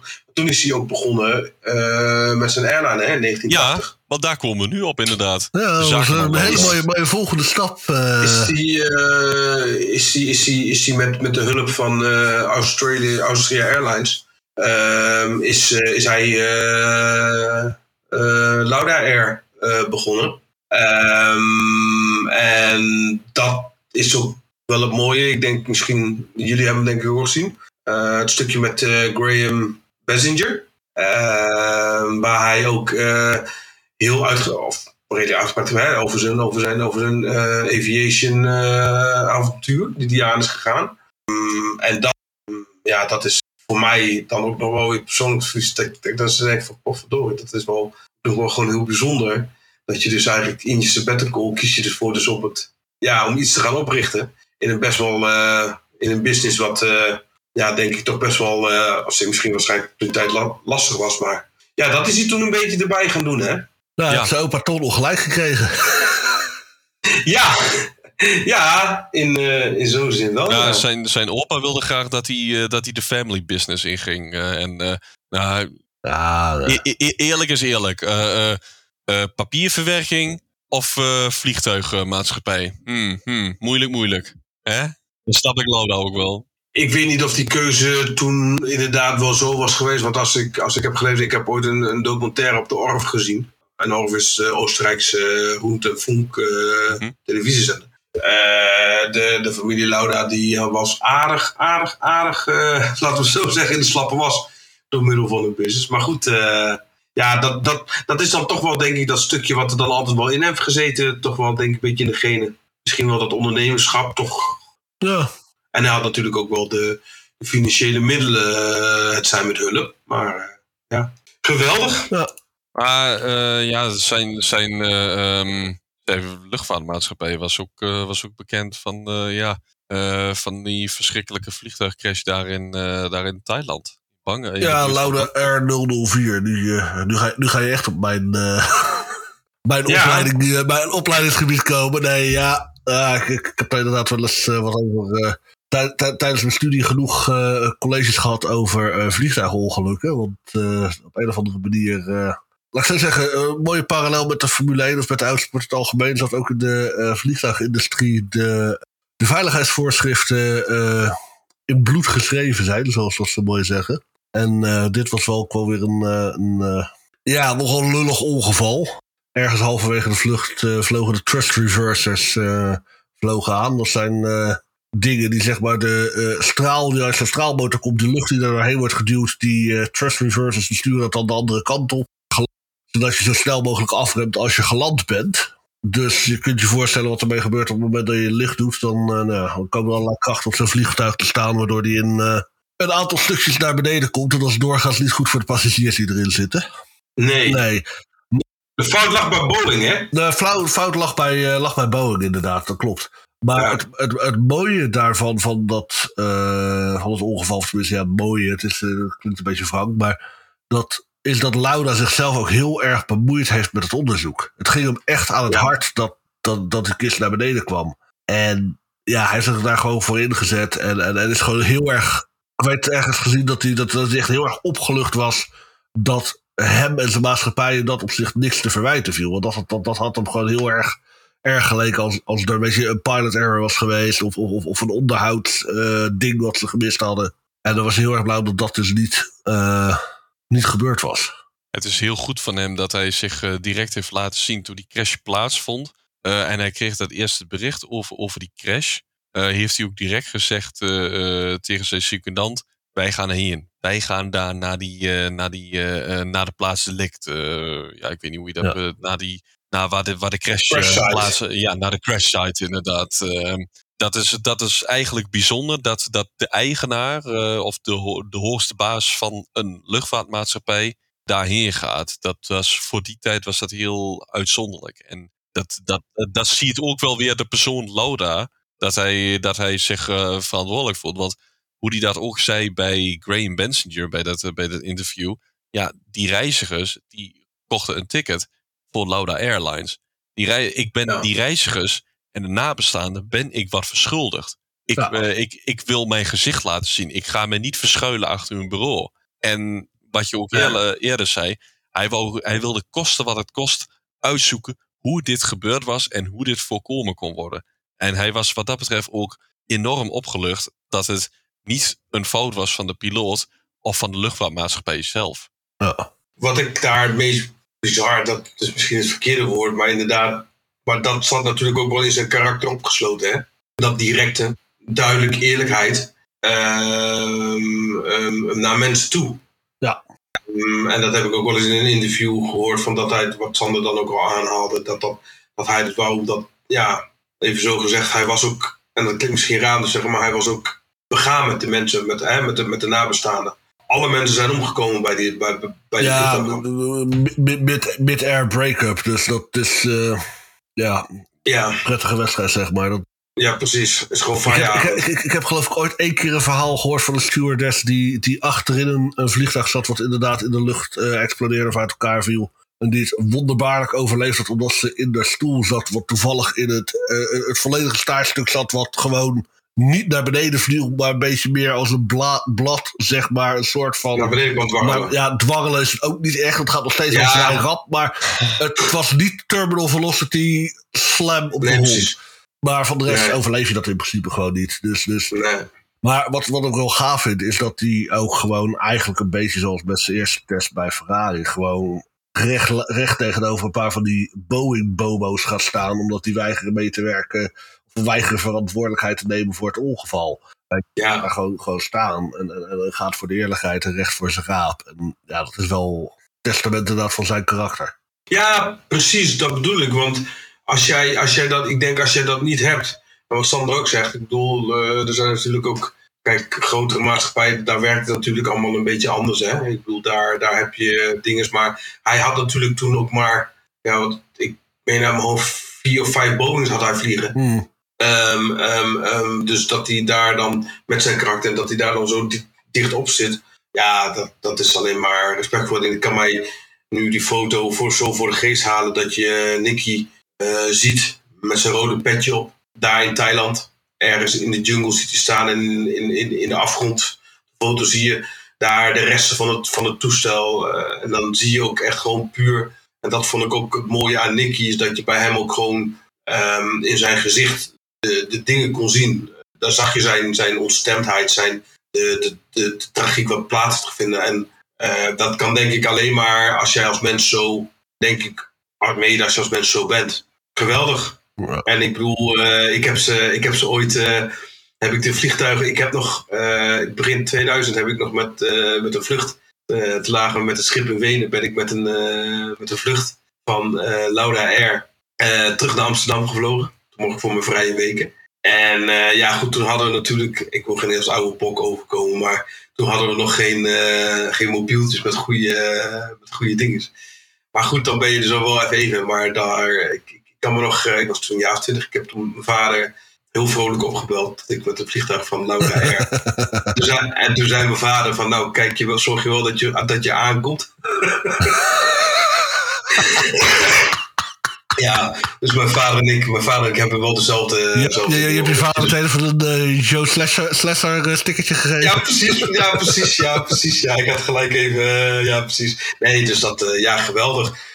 Ja, ja, de McLaren jaren denk ik, hè? Ja, had er toch weer zin in. Doe maar een autootje. Sander, wat, wat heeft hem nou zo getriggerd om weer terug te komen? Was dat echt die, die wat ik heb gelezen, die, die, dikke, vette, die dikke vette check van Ron Dennis? Omdat hij met dat MP4-project uh, eh, ging, uh, ging beginnen? Of zit ik daar een beetje ver vandaan? Ik denk, ik denk ook het coureursinstinct uh, een beetje in hem. Dat hij, dat, hij, dat hij zelf ook weer, weer hongerig was naar, uh, naar het racen. Dat, dat, dat hij het stiekem toch weer, uh, toch weer is gaan missen. Boris Sebastian Vettel uh, ook weer, ook weer eens, die in Suzuka was. Die zegt zelf ook, ja, ik mis het eigenlijk ook wel een beetje. Ja, maar ik kan me ook wel voorstellen dat als je zeg maar op zo'n, ja, hoe zeg je dat? Uit emotie gewoon besluit van de handdoek in de ring te gooien en ermee te kappen. Dat je toch op een gegeven moment zegt van ja, het, voelt toch een beetje onaf. Een beetje uh, hoe zeg je dat? Ja, unfinished business. En dan kan ik me wel voorstellen dat hij dat, dat gevoel ook een beetje gehad heeft. Een hoofdstuk wat nog niet afgemaakt is, inderdaad. Nee, precies. Ja, dat, dat zal hem inderdaad wel, wel getriggerd hebben. En natuurlijk, Ron Dennis had natuurlijk inderdaad met John Hogan, met, met Marlboro had hij natuurlijk een, een zak geld te bieden. En, en, de, en, en, de grote, en de grote sheiks van, van Tak had hij natuurlijk ook, eh, ook aan zijn zijde staan. En, en Porsche. En aan John Bernard, hè? Ja, en, en Porsche, die, eh, die inderdaad ook nog, eh, ook nog een, deels, deels bij betrokken was. Dat hielp hem, dat hielp hem allemaal wel. Ja, en ondanks dat hij voor een lekker bedrag natuurlijk bij McLaren aan de slag was, was hij wel degene die de VIA even, of toen de tijd nog de FISA, even goed onder druk zette met die, georganiseerde, met die stakingsactie in Zuid-Afrika.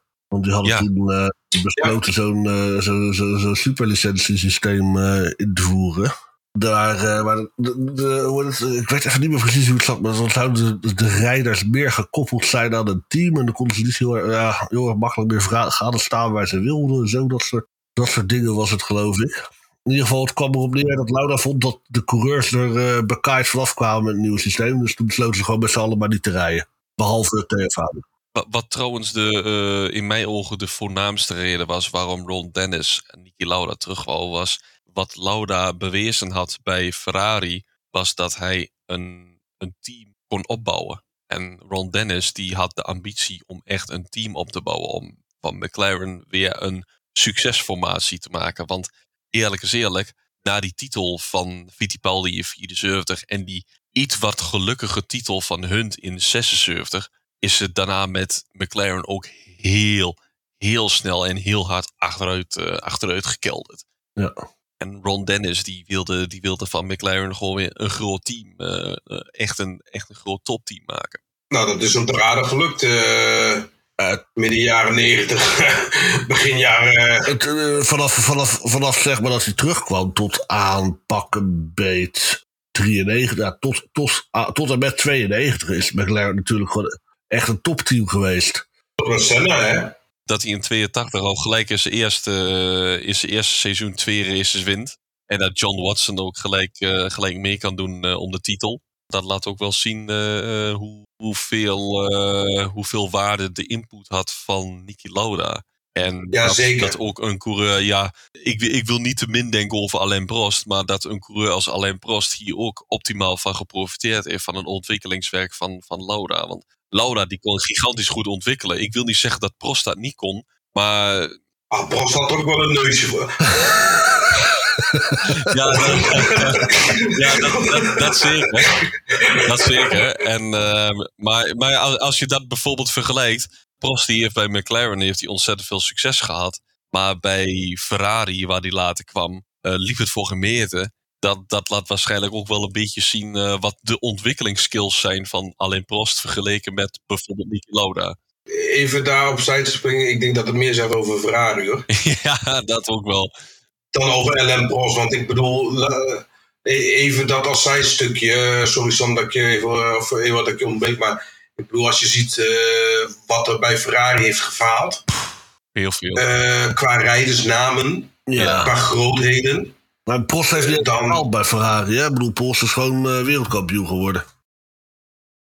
Oh nee, nee, nee, nee, shit. dat was niet bij Ferrari. Nee, Ja, met Williams, Williams in La, 93. laten de ja. Senna-fans niet horen. nee ik zit me eh, over... eh, Ja, want die draaien zich om, die draaien zich om in de graf en trekken de helm van hun hoofd. Of die alles van de Heel Klaus. slecht. Ja, precies. Eh, nee, ja, nee, eh, nee, tuurlijk, laat maar. Nee, maar je hebt, nee, je, hebt, je hebt- je hebt echt gelijk. Er zijn een hele hoop eh, namen die in dat opzicht gefaald hebben bij Ferrari. Ja. En, en, en, en natuurlijk heeft, dat is natuurlijk wel, dat is natuurlijk wel wat Sander zegt.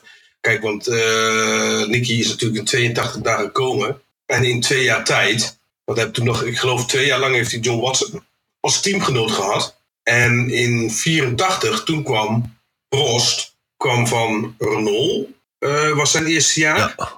Ja, en, en, en even dan naar 4 84 was natuurlijk een episch, epi, episch jaar. Met als hoogtepunt waarschijnlijk wel Zandvoort. Eh, hoe ze daar eh, eh, battlend eh, naar, naar een 1 en 2 finish zijn gegaan. Maar ja, dan zag je dan natuurlijk wel dat eh, vruchten zich begonnen af te werpen voor, voor McLaren. Volgens mij was dat 85 Zandvoort, maar dat... eh, Ja, ik wilde net zeggen. Was terzijde. het 85? Oh, sorry. Oké, dat was 85. Ja, oké, nee, 84 werd daar natuurlijk weer. Sorry. Vier- vier- vier- 84 was natuurlijk eh, de geweldige eh, duel eh, tussen inderdaad eh, Prost en, eh, Lauda. Waarbij Lauda met een half punt verschil wereldkampioen werd. Ja, Karma voor Prost, want die, Ja. wilde, want die wilde de race in Monaco vroegtijdig beëindigen. Ja, dat eh, ik wou zeggen met, met, met, met dank aan de zekere Jackie X eh, als wedstrijdleider toen. In, Dat werd, dat werd hem ook niet in dak afgenomen daar. Want, want, eh, want, eh, eh, want echt de mensen, de mensen van de ACF, of van nee, de ACM, van de Automobielclub Monaco, die stonden echt allemaal te kijken van, what the F is dit? gebeurt hier. Wat, eh, Ja. gaat, gaat, Ja. zo in, eh, gaat die rare Jackie X zo ineens eh vroegtijdig afvlachen? Geruchten gingen dat het kwam omdat Jackie X natuurlijk Porsche geleerd natuurlijk ook wou dat een tak Porsche auto zou gaan winnen. En niet zo'n eh, zo'n een of andere onbekende taxichauffeur uit Sao Paulo. Of een, of een, Een Duitser met krulletjes haar bedoel je? ja, of een, flink, eh, of een flink gehate Duitse met krulletjes haar. Die toevallig voor dezelfde fabrikant rijdt. Die uit is op jouw stoeltje. En die, eh, en die een jaar later doodrijdt op Rouge. Maar Eh, Oh, zo, ja. Oh, zo, ja. Ja, ja, ja, precies, ja. ja. Jouw, grote, jouw grote raceheld. Ja, die, eh, die man, eh, die man met, eh, met eh, dit inderdaad. ja, precies. Ja, precies. Ja, Precies, precies. Ja, dus, dus dan kunnen we ook net zo goed maar even gewoon zeggen dat eigenlijk de rechtmatige eigenaar van Monaco ja de daadwerkelijke 84. winnaar eh, komt uit Duitsland. Van de, is gewoon Stefan Bellof. precies. Ja. Ja. Ja. Dus, als, dus, als dat van massa, dus als dat van massa doorgaat, dan start ik een petitie voor eh Monaco 84. Dus. Ja, alleen ik vraag me af hoe je al die andere races van 84 wel goed gemaakt krijgt. Want Oh ja. ze zijn wel gedisqualificeerd. Ja, dat is ook oneerlijk. Dat, dat, dat, was, ook, dat, dat was ook een complot. Want, eh want het Tyrrell was het enige team met naturally aspirated eh, motoren en niet met die turbo, eh, niet met die turbo gedrochten. Dat was, eh, dat was een samenswering van alle teams met turbo gedrochten. Die gunden het, het succes van Tyrrell niet dat zij nog met naturally aspirated eh, motoren zo goed reden. Kuch, kuch. Turbo-gedrochter, zegt hij gewoon. Ja. Ja, ik, nou ja. Hashtag Voidlab eh, 41. Ja, precies. Is dat, is, dat- is, dat, is dat, dat zoiets, Sander? Wordt, Ik denk gaat, het wel. Gaat het zoiets, gaat het zoiets worden, ja? Gaat hij nu gaat hij, gaat hij een website gaat hij beginnen en dan gaat hij eh ellenlange artikelen schrijven over waarom eh er toch eh, op teruggedraaid moet worden in 1984. Nou, nou ik, ga, ik, ga Nou, vooral, ik ga vooral herhalingen eh, laten zien van, eh, van eh, Stefan Bellof. En die fantastische interactie op, op René Arnoux. Daar tegen dat muurtje aan bij, bij Mirabeau was dat, was dat geloof ik. En, eh, en, en, en dan zet ik er de hashtag robbed zet ik onder. Precies. Ja, nou, vandaag de dag was het gewoon een penalty geweest voor Bellof, hoor. Nee, Ja, die, die, die, die vangrail stuurde zomaar in, dat klopt. Precies. ja, precies. Ik bedoel, dat is hetzelfde als wat ik altijd heb. Ik bedoel, eh, bij mij op een parkeerplaats komen gewoon de paaltjes naar mij toe. Ja, Ah joh, die slomme duikelaar van een René Arnoux, die had gewoon naar de kant moeten gaan, joh. ja. Wat doet hij daar, die reden in die chicane? Grote, gro- gro- grote vriend van eh, James Hunt, inderdaad. Ja. And all I can say about that is bullshit. Heerlijk. Die Murray Walker, die er ook gewoon echt voor vijf seconden stil was. Did he just really said? yes, he really said that. Ah, heerlijk. Ja, en, en, en even eventjes terugkomen op, op, op Prost. eh, ja, met, met, met, met, alle, met, alle respect, eh, met, met alle respect voor Prost. Prost was een fantastische coureur en, en, en, en chapeau voor alles, eh, voor alles wat hij bereikt heeft. Maar ik, ik geloof dat hij die kampioenschappen, die titels die hij gehaald heeft in 85 en in 86, eh, het, het feit dat die McLaren zo goed was, was echt te danken aan, aan de input van Niki Lauda. Dat, Ja, dat datzelfde denk ik- denk ik dat met het kampioenschap van Scheckter in 1979 bij Ferrari. Dat was gewoon dankzij de input van Niki Lauda. Ja, het was natuurlijk ook in een groot gedeelte nog natuurlijk wel gewoon een, een, een, een, een auto die de evolutie was van die 312T waar ze 74 mee begonnen zijn. Hè?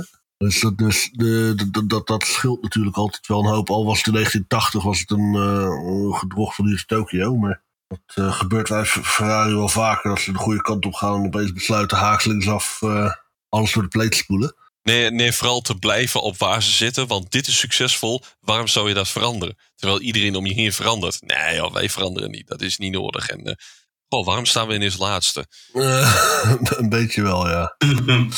Ja, Waarom staan we ineens laatste? Hoe lossen we dit op? Weet je wat? We gooien de teambaas eruit. Dat helpt vast. Dat, dat helpt vaak ook wel, ja.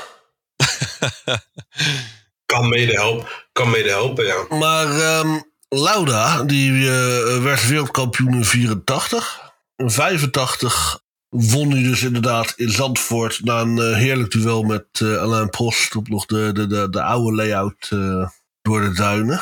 Toen is hij er weer mee gekapt. Ik lees hier dat hij Renault wilde joinen voor 85. Waar- waar- waarom zou hij in hemelsnaam naar Renault willen gaan voor 85 in de eerste instantie? Een, een bepaalde familie uit, een niet nader te noemen familie afkomstig uit Montfort, zou Niki Lauda eh, ook niet begrijpen waarom je in vredesnaam naar Nee, ja, dat, eh, ik zou zeggen, die eh, ging, ik bedoel, die ging op zich leuk hoor, in die periode. Maar om nou te zeggen dat het echt een, een wereldkampioenschapteam was, dat, Maar Renault kapte er ook mee eind, eind 85. 86 waren ze er ook volgens mij helemaal niet meer. Ja, ja. Maar goed, 85 eh, is het dus, eh, was dus zijn laatste jaar. ja. Eh, toen eh, stopte hij ermee. Hij was één race had hij geloof ik gemist. Toen had zijn grote vriend John Watson nog voor hem ingevallen. Volgens mij was, eh, waren hij en Ronnie Patterson ook de enige twee coureurs die ooit met nummer 1 gereden hebben. Zonder dat ze met een vaste start nummer 1. Zonder dat ze ooit wereldkampioen geworden zijn. Ja. Eind 85 was Niki Lauda dus inderdaad gestopt. En eh, toen, eh, toen is hij wat anders gaan doen. ja, Hij heeft een hoop, hij heeft een hoop eh, dingen gedaan. Ik zat dat, eh dat vorig jaar eens terug te kijken. Als je ziet in wat voor een hoedanigheid die eigenlijk ook altijd nog wel natuurlijk als een bedrijf. En dat is toen, ik meen in begin 2000 is dat verkocht. Die al zijn aandelen dat ging slecht met Lauda Air aan heeft verkocht. Maar daarvoor is hij dan natuurlijk al begonnen als eh, adviseur van Ferrari. Ja. 88 of 90. Begin jaren 90 inderdaad. begin jaren 90, toen, toen zeg maar Prost, of, eh, Prost eh, tot, zo, eh, tot inderdaad eh, bij Ferrari eh, aankwam, inderdaad de boel een beetje recht begon te trekken, heeft inderdaad Laura, Lauda gevraagd om eh, een adviseursrol te nemen. Ja, toen, toen eind eh, toen 88 Enzo Ferrari kwam te overlijden. Toen, toen hebben ze begin jaren 90 heeft, heeft Gianni Agnelli heeft, eh, heeft bedacht dat, eh, dat eh, Ferrari on- onder, onder Luca Di Montezemolo die kreeg, die kreeg de opdracht om van Ferrari, want Di Montezemolo die was vroeger al de rechterhand van Enzo Ferrari als teammanager in de tijd dat Lauda reed. Di Montezemolo die kreeg de opdracht om, om Ferrari weer succesvol te maken. En die Montezemolo die dacht erbij om Jean Todt op te halen als teambaas. Die in de rally heel erg succesvol geweest is met Peugeot. En, en eh, nou ja, eh, Alain Prost die kwam, eh, die kwam als coureur. in eerste instantie. Dat bleek uiteindelijk niet, zo, niet zo succes te zijn. John Barnett, die kwam als, die kwam als ontwerper. Daar ging het in eerste instantie ging het ook, ging het ook de goede kant, leek het de goede kant uit te gaan. Het, het officiële plan was om Ayrton Senna naar het, naar het team van Ferrari te halen. Dat, dat is in mei 1994 is die droom, ja, is die droom uit, uiteen, eh uiteen gegaan. En ehm, nou ja, Niki Lauda, die was als adviseur was die, was die binnen, eh, binnengehaald eh, die jaren. En Niki Lauda, die heeft toen eh, die Montezemolo een, een ja, geadviseerd is een groot woord, maar een subtiele hint gegeven om Michael Schumacher naar het, naar het team toe te halen. Wie? Wie? Ni- Niki Lauda, die heeft, die heeft Nee, maar ik bedoel, wie, wie heeft... die, die, die, toch die, die, skier? Ja, precies. Sorry. Ik ben Schumacher. En ik ga er ook nog zo serieus op in. hoor. nee, god, het is laat. Oh, nee, maar, daar, maar even, even, eh, even daarin inderdaad op te haken. Maar dat heeft hij natuurlijk ook al eh, gedaan bij zijn, eh, bij zijn eh, rol Daar komen we als... later op. eh, oh, no, dat mag er niet gezegd worden. Nee, mag niet gezegd worden. Je wordt hier gecensureerd, daar word je eng van. Echt. De Stasi is er niks bij. Oké, oké. Dicht bij de grenzen, hè? Ja, precies. Ja, precies. Nee, ja, dat is denk ik wel een goede zet geweest. eh. Ik, ik- ik denk dat dat wel een vrij goede zet is geweest. Ja, ik bedoel, Toch? eh, Ik bedoel, hij zag het, ja. tot 2020 de, de, de, de, de, de meeste overwinningen. Coureur, de meeste wereldtitels voor een eh, Ja. constructeur. Dus eh, wow, ja. lekker bezig, zou ik zeggen. Ik, denk- ik denk dat de records eh, voor zich eh, spreken, inderdaad. Eh, dat, eh, of het een, of het een eh, goed besluit was geweest, of een goed advies was geweest van onze grote vriend Niki Lauda of niet. Maar ja, hij ging voordat Schumacher bij Ferrari kwam, was hij geloof ik ook alweer, ook alweer weg als, eh, als adviseur. Eh, dat advies, advies had hij nog gegeven en toen ging hij weg. Eigenlijk in de midden jaren negentig, dus eigenlijk nadat hij bij Ferrari weg is gegaan, heeft hij eigenlijk, ja, was hij, was hij gelieerd aan, aan Duitse RTL. Ehm, deed, hij, deed, hij, deed hij een paar dingetjes, maar toen is hij toch eigenlijk. En als ik, eh, als ik dan even mag doorspringen. Toen zijn eerste dingen was er natuurlijk weer eh, Jaguar Racing. D'accord, d'accord, daar zijn we nu inderdaad. Jaguar, ja. Teambaas. Heeft hij, heeft hij Steiner daar naartoe gehaald? Nee, ehm, het zat zo. eh, eh, de, de, de, eigenaar, de eigenaar van Jaguar, want eh Stewart die had het team verkocht aan Ford. Ford die had het omgedoopt door Jaguar. En de eigenaar van Jaguar was een Oostenrijker genaamd Wolfgang Reitzle. Voor zover, Oh ja. Reitzle. En, en Reitzle, Ja. Reitzle die heeft Niki Lauda gehaald als teambaas. En Günther Steiner die werkte toen voor Ford. Die, eh, die, die, werd, eh, die werd daartoe gehaald, ook, ook als, team, als teammanager of als technisch directeur. Ik weet niet precies. Maar tussen, tussen Lauda en Steiner boterde het, boterde het niet echt. Want ja, dat zijn natuurlijk twee mannen die allebei, allebei recht voor de raap zijn. En eh, nou ja, de een daar komt wat zinnigs uit. En de ander die, die denkt dat er wat zinnigs uitkomt. Vul zelf maar in wie wie is. en eh, ik denk dat we, dat we alle drie wel weten wie wie, wie, wie is. Maar Ja, nee, zo zat het inderdaad. Ja, en toen heeft hij natuurlijk in. eh, het mooie was in eh, 2002. ja, Heeft Nick in januari. Is hij natuurlijk in die R. Moet ik even goed denken hoor. in de N3 denk ik. R3 denk In ik. de R3. Ja. Is, is hij gestapt, hè? Ja, En ik kan me nog herinneren, was een itempje bij RTL. Was erover toen, eh, ik geloof vlak voordat het seizoen begon. En je had natuurlijk ook het RTL Magazine, had je dus. Ja. En eh, daar, daar, stond het, daar, daar stond dat toen in. En toen had ik echt zoiets van, wauw, dat is wel heel erg gaaf. Dat is heel erg Ja, eh, om maar even met onze grote eh journalistenvriend te spreken. Gentlemen, a short view back to the Ja, past. ja, ja, Nicky ja, ja. Lauda once said. Ja, hij zei inderdaad eh, een, een, zet een getraind aapje in de, in de, in de auto en, eh, en, en het kan, het, kan het eh, besturen. Tegenwoordig, En, ja. eh, Laura die dacht ook, eh, die was ervan overtuigd, eh, ja, iedereen kan deze auto's tegenwoordig besturen, zo makkelijk is het. Daarvoor kwam hij toch met een koude kermis thuis. Als hij Ja, hoeveel bochten eh, voordat hij erin lag?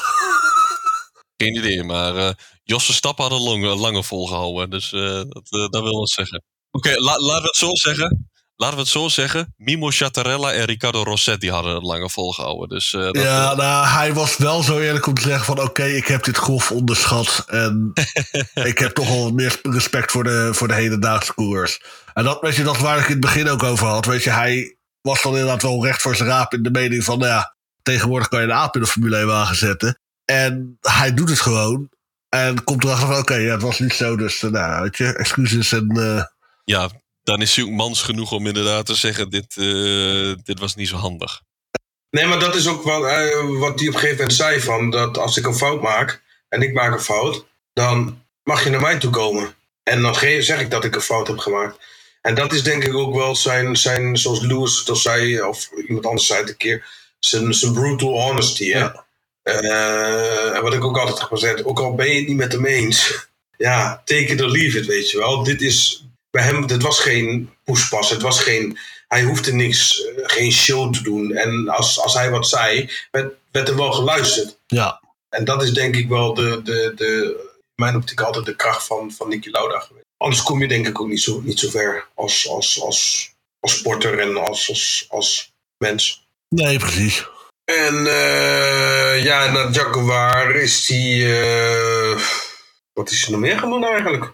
Daarna, daarna is hij is die weer uh, zakenman en analist uh, geworden voor een, uh, voor een aantal jaren. Zakenman analist, ja. Ja. Want bij, bij Jaguar werd hij er volgens mij zelf uitgegooid. Ook weer door, die, door de hoge top van Ford. En hebben ze daar niet in het laatste jaar is dus even een, een, een, een, een zijsprongetje. Hebben ze daar ook nog niet nog Bobby Rail aangesteld? Ja, ja, ook in 2001 inderdaad. 2001, hè? Bobby Rail, die, die, die, die, die, die, die, deden ze maar even een Jaguar outfit aan. Van nou, ga jij het maar even doen in de Formule 1 of zo, weet je wel. Beetje eh, ook zo'n rare oplossing, maar dat geldt. Nou ja, de, Rail die kon wel verruiken hoe je het vooral niet aan moest pakken. Dus dat heeft hij nu bij eh, zijn eigen race, die heeft dat een stuk beter onder controle. Dus. ja, precies. Interessant man. Kun je wel zeggen, ja. Ja, wat hebben we eigenlijk nou nog meer wat we, wat we kunnen bespreken over, over Nicky? Ja, nadat hij, nadat hij analist was, want hij, hij is daarna weer analist geworden bij de RTL. Dat deed hij tot uh, halfwege 2012. Want ik kan me nog wel herinneren, de allereerste keer dat, dat ze in de Formule 1 in uh, podium-interviews deden op het podium, was bij de Grand Prix van Duitsland in 2012. En wie halen ze naar voren? Niki Lauda. Dus dat was ook gelijk de beste manier om er, mee, om er om er een start mee te maken. Dat was een gouden set van, uh, van de Formule 1. En uh, nou ja, niet veel later werd, uh, kreeg Lauda een, een functie bij, bij, een van de, bij een van de Formule 1 teams. Nee, dat was een, natuurlijk met zijn collega Oostenrijker Toto Wolff. Ja, met Toto Wolff kwam je er natuurlijk bij, hè? Ja. En, la en, later was hij non-executive chairman. Of was hij dat eigenlijk al gelijk vanaf zijn functie? Was hij was, hij was dat vanaf het, uh, vanaf het begin al. Non-executive chairman slash, uh, um, slash adviseur. Zeg maar een beetje wat Helmut Marko bij Red Bull is. Uh, ja. hij, kan, ja, hij, hij, kan, hij, kan, zeggen wat hij wil en hij, heeft geen, hij hoeft geen verantwoording af te leggen. Nee, precies.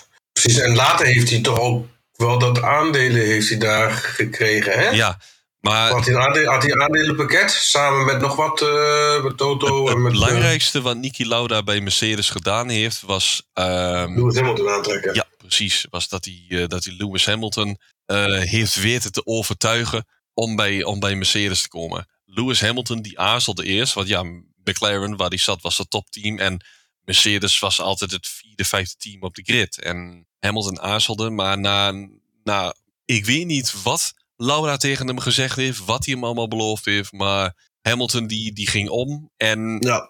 nou ja, de resultaten spreken voor zich. Hamilton is de zevenvoudige wereldkampioen. Dus, uh, dus het is... Uh...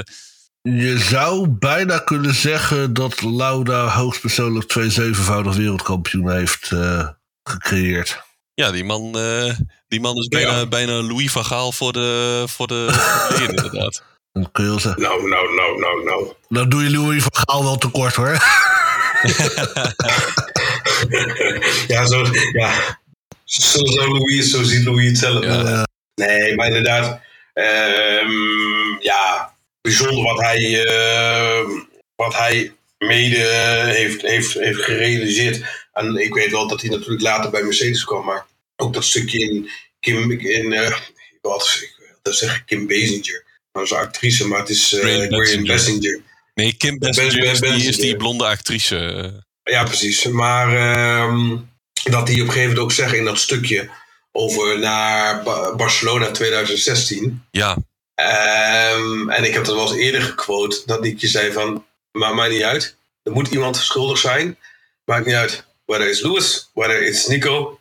uh, it has to be someone's fault. En dat, en, en dat, dat stukje bij, bij mij, en dat is op zichzelf voor hem persoonlijk, als persoon maakt het hem waarschijnlijk ook heel makkelijk. Maar aan de andere kant, ik ben er zo over nagedenken, ehm, hoe hij het natuurlijk ook uitlegde, van ja, of u links of rechts of verkeerd, en zonder favoriete rol, zonder wie, wie dan ook. eh, hij vond dat Lewis daar fout was. Want hij vond dat, dat, dat Lewis daar nooit die inhaalactie in had moeten zetten. nee. Ehm, waardoor hij op het gras kwam. En Hij zei ook inderdaad, hoe, hoe haal je het in je hoofd om in de binnenkant iemand Ja. in te halen? Want heb je wel gekeken naar zijn, naar zijn licht, naar zijn achterlicht? ja, Was dat achterlicht aan het branden? Ja, oké, dan, wa- dan had hij dus minder energie dan dat jij had.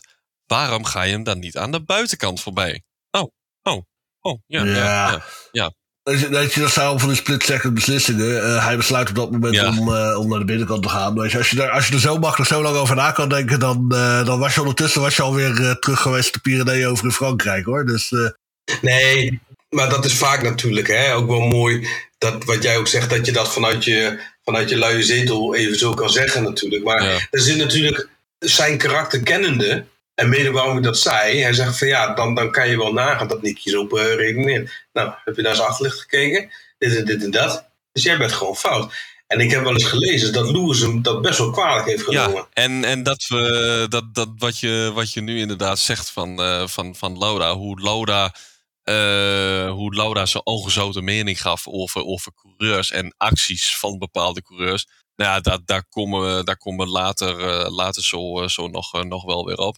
Dat is ook de manier eh, van denken van, van Niki Lauda zelf. En dat, dat is ook precies wat eh men zo kan waarderen aan Lauda. ja, het is een beetje dat, eh, dat, dat, dat er zit blijkbaar ergens in dat Oostenrijkse water, waardoor je gewoon zonder filter alles eruit kwakt wat je eh, vindt. En wat er. eh, Ja, maar kijk, kijk, kijk, naar, naar- kijk, kijk naar die andere man daar uit de Steiermark. Ik bedoel, dat vinden we misschien ook niet altijd leuk wat die man roept, maar die is qua dat betreft precies hetzelfde natuurlijk. Ik, ik zeg wel eens, de wereld heeft, eh, heeft, eh, heeft eh, gemengde gevoelens. eh, nou ja, de wereldgeschiedenis heeft gemengde gevoelens als schreeuwende Oostenrijkers.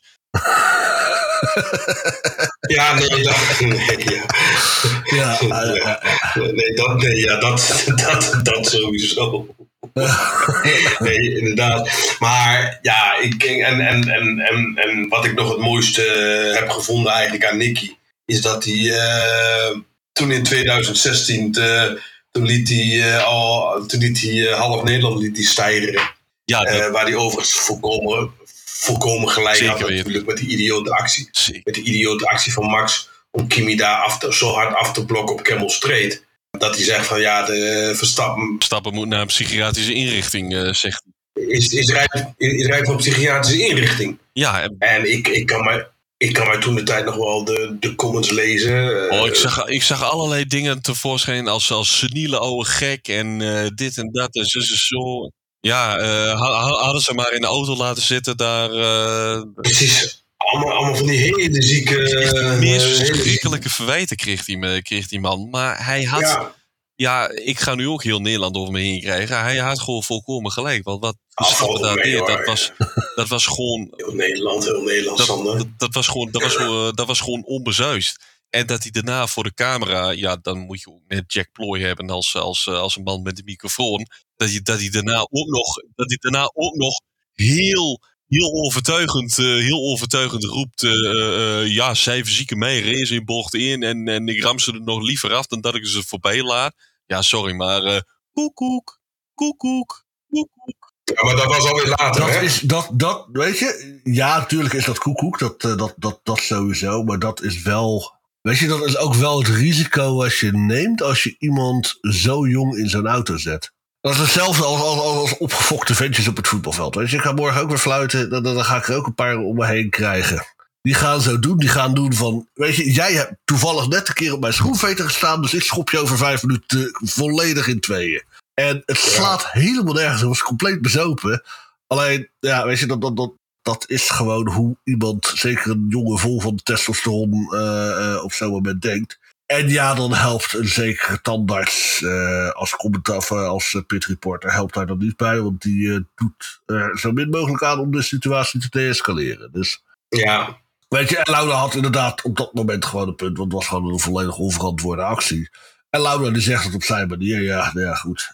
Ja, als, als je bedenkt dat, dat Schumacher het, uh, het uh, eh, 16 jaar eerder op datzelfde rechte stuk met Hakkinen ook ongeveer zo'nzelfde actie inzette. En dat Hakkinen direct na afloop van de race naar Schumacher toe is gelopen en ook heeft gezegd, dat doen we geen volgende keer Michael, want dan gaat het gewoon gigantisch mis.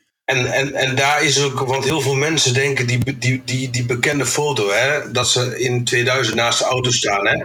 Ja, met die, uh, dat ze zo staan. Ja, met, met, en, en, en dat, ze het hebben over de dat, dat ze hebben het over de inhoudactie. Maar dat gaat helemaal niet over die inhoudactie op zondag. Het gaat puur waar Michael, waar Mika en Michael staan te praten over dat afblokken. Ja. Want uh, uh, die, de, de podcast um, Beyond, the Beyond the Grid met Mika Hakkinen, daar, daar legt Mika Hakkinen dat perfect uit. Dus het eerste wat ik zei naar de auto, Michael, I know, I like you, I like the race, but this is something we shouldn't go there. We shouldn't do. En, en, en, en dat is ook, en Michael heeft dat toen ook, heeft toen ook gezegd, van, en toen zei Mika ook, toen is er een soort understanding gekomen van Michael naar Mika toe, waarschijnlijk ook wel deels omdat dat die enorm veel respect voor elkaar hadden, dat Michael anders is gaan racen. Ik, uh, ik zag die foto ja, een hele tijd terug. En Michael, eh, of Michael, die trok op die foto hetzelfde gezicht als dat hij trok toen Artel Senna hem bij, uh, bij, bij hem riep in 1992. Dan, dan zie je nog zo'n oh, zo, zo schooljongetje wat, wat, wat straf ja. begint te krijgen van de juffrouw, om het, om het zomaar te zeggen. Dan,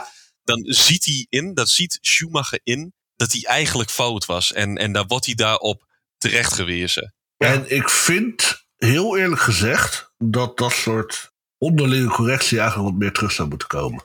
Sebastian Vettel deed het bij ja. uh, Verstappen in uh, China uh, 2008. Klopt, inderdaad. En dat, dat, dat, dat escaleerde verder ook totaal niet meer buiten, nee. buiten de race om. Maar ik merk dat, dat een hoop tegenwoordig, vooral via, tenminste vooral via de media, gespeeld lijkt te worden omdat, ja. weet je, uh, laatst dat hele gezeik over, over, over de teamgenoten van Verstappen en Hamilton en Wikipedia en weet ik veel wat. Dat, weet je, als Hamilton of als een Verstappen of als wie dan ook het ergens een keer niet mee eens is, ga dan gewoon, weet je, inderdaad, in Park Vermee, net na zo'n race, ga naar die andere gozer toe, zeg gewoon, zeg, weet je, het, het, het, punt is, je moet het wel doen in front of de camera. Ja, precies. En loop er even heen en zeg even van, joh, dit doen we niet meer. En wat dat betreft vind ik de reactie van Verstappen ten opzichte van Ocon in 2019 beter dan dat het weer zo'n ellenlang haat- en nijdspel in de media wordt.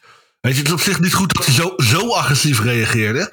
Maar het wordt daar ter plaatse geregeld. In plaats van dat het weer ja. drie maanden lang gezeik oplevert. Ja, maar je moet, je, je moet daar natuurlijk wel, en dat is denk ik wel wat iemand op een gegeven moment tegen mij zei. Die zegt van ja, maar zoals wat, wat, wat de Nico Lauda af en toe roept. Hij zegt dat kan vandaag de dag toch niet meer. En, door, en, dan, en, en dan praten we over, over midden jaren negentig. Hè? Ook in 2000, nou, nou later natuurlijk. Kijk, en dat is denk ik wel het stukje wat Ewout zei. Dat absolute eerlijkheid wat hij had. En ook mensen terechtwijzen. Uh, wat Ewout aanhaalde. Dat zie je inderdaad. Ja, waar zie je dat vandaag de dag dan nog? Uh, ja. je, je ziet het toch nergens meer. Als je nou, even een kort voorbeeld. Als je nou iemand in de supermarkt uh, iemand, uh, weet ik veel, winkelwagens ziet verwonnen, loop je nu naartoe. Nu denk je wel eens even na, zal ik daar wel naartoe lopen? Want voor je het weet heb je, uh, slaan ze een fles kapot op je hassers. Of, of, ja. hè, of, of, of, of, die gekke dingen. Maar goed, ja, dat, dat is sowieso elkaar corrigeren en rijden sowieso elkaar niet meer. Ja, uh, zoals in dat hakken dat bij Schumacher deed over dat Vettel bij Verstappen. Weet je, dat dat gewoon de goede manier is hoe je dan met koers met elkaar omgaat. Dan is het daarna ook klaar. Dan hoef je daarna ook zo, weet je, ja. of uh, Perez en Verstappen hadden op een gegeven moment ook, uh, was dat dit jaar of was het uit vorig jaar, ook even samen oneenigheid. Oh, dat, dat die niet wil helpen of zo. Ah, whatever. Nee, maar weet je, dat, dat, dat, ja. dat toen had je dat in Brazilië, dat, dat, dat werd zo'n lang, langslepend uh, verhaal. En toen was er ergens anders, volgens mij was Saudi-Arabië dit jaar, dat, dat, dat er ook onderling iets was. En ze ja, lopen gewoon even naar elkaar toe. Jaar. Ja, maar ze lopen even naar elkaar ja. toe en ze, ze, ze, ze babbelen even. Oh, dat was Oostenrijk inderdaad dit jaar. Ze babbelen Ja. even met elkaar. En ja, oké, Ja. het is klaar. En daarna was het ook, bij de media was het ook van, ja, nee, we hebben het erover gehad, het is klaar. Nou, precies, precies dat is wat jij zegt. Het wordt nou allemaal natuurlijk zo breed uitgemeten. En, en, en, en, en ik heb eens een stukje gelezen van Nicky dat hij op een gegeven moment zegt, ja, vandaag de dag hebben we allemaal natuurlijk andere middelen om, om onze do- om doelen te bereiken. En dat doelde hij vooral mee op, hè, op het social media gebeuren en op hè, dat het allemaal.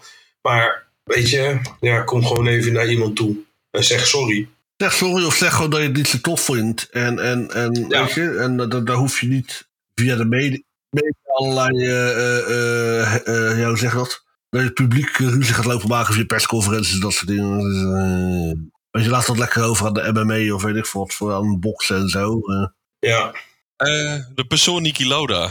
Persoon Niki Lauda. Nou ja, we hebben het wel een beetje over zijn karakter gehad. Of over wat we net zeiden met, met eh, Max Verstappen en Lewis Hamilton. Eh, Hamilton die voelde zich inderdaad wel zwaar gepikeerd dat hij, dus, dat hij meer schuld kreeg dan, dan Rosberg. Maar het heeft, eh, het heeft, Hamilton heeft het ook heel erg veel, eh, Hamilton heeft het ook heel erg veel van, eh, van geleerd. Want hij is eigenlijk daarna alleen maar beter gaan rijden. En nauwelijks fouten. Nou ja, nauwelijks fouten. Helemaal geen fouten meer gemaakt in mijn ogen. Misschien Misschien één, misschien Mm. één dingetje, maar nou ja, dat, daar hebben we het liever niet over.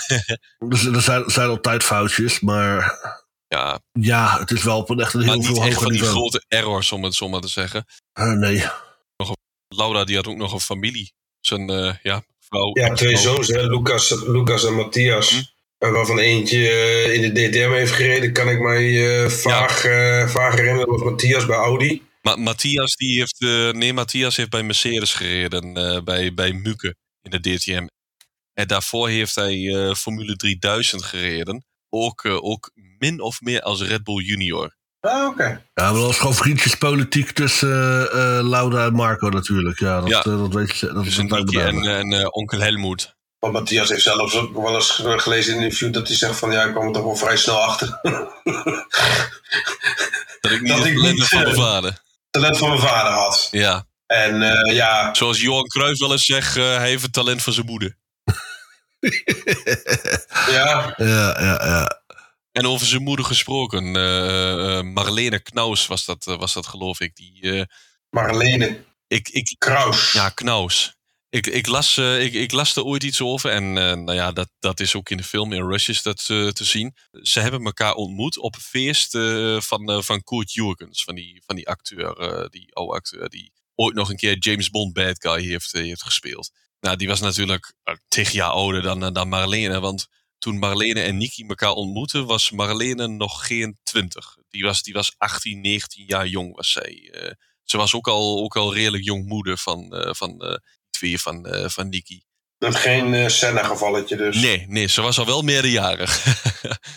Oké. Ehm, maar zij, zij blijkt dus van, van Chileens, Chileens Oostenrijkse eh, komaf te zijn. Dus, dus ze had, ze had roots in Chili. Eh, ze is eh, opge- opgegroeid in Amerika. Eh, ze sprak ook altijd, altijd goed, goed Engels. En ze heeft wat modelwerk gedaan, volgens mij. Ze was, ze was fotomodel eh, ooit, van, ooit van beroep. Koert Jurgens, dat was uiteindelijk haar ex. En daarna in, volgens mij in 1975, eind 1975, zoiets was zij, ging ze met, met Niki Lauda. En vanaf 76 waren ze getrouwd. Ja, en daar zijn twee kinderen uit voortgekomen. En Marlene, die had, eh, die had na die crash van Niki, had ze eerst iets van, stop er alsjeblieft mee. En het schijnt zelfs dat eh, de eerste keer dat ze Niki zag na het ongeluk, zelfs na de operatie, dat, eh, dat ze flauw gevallen is. Het, het, was, het, was een goed, het was een goed huwelijk, wat ik, wat ik begrepen heb. En ze zijn nog steeds vrienden met elkaar. Of ze waren tot de dood van Niki nog steeds vrienden met elkaar. Maar, maar, maar Marlene gebruikt een Ouija-bord. Die gebruikt een Ouija-bord om even met, Lau- met Nicky te communiceren. Ja. Oh god. Dat vind ik eigenlijk wel. Nou ja, nou ja, eh, wat ik eigenlijk wilde zeggen, Marlene is nog steeds, is nog steeds goed vrienden met, met, eh, met, eh, eh, met de laatste eh, vrouw van, van Loda, Met met eh, Brigitte? Eh, inderdaad. Ze gingen altijd nog samen op vakantie en, eh, en ze zijn altijd vrienden gebleven. Maar ja, dat, eh, dat uiteindelijk eh, het huwelijk voorbij was, dat was volgens mij te danken aan Loda zelf. Want er gingen geruchten dat hij ook een buitenechtelijk kind zou hebben. Met Giovanni Amati. Nee, niet met Giovanni Amati. Maar eh, waar het- waar het was wel erg... die opeens vandaan? Ja, die heeft, die, is toch de ex van Flavio Briatore. Hij heeft een relatie gehad met die, eh, hoe heet ze nou? Die Da Davina Galicia? Divina Gallica. Ehm, Hij heeft toch met een van die, van die vrouwelijke rijders heeft hij een relatie kort gehad. Want hij was het die Giovanni Amati. zou, zou best kunnen, want ik kan me niet voorstellen dat het Lella Lombardi was, want dat was een halve vent.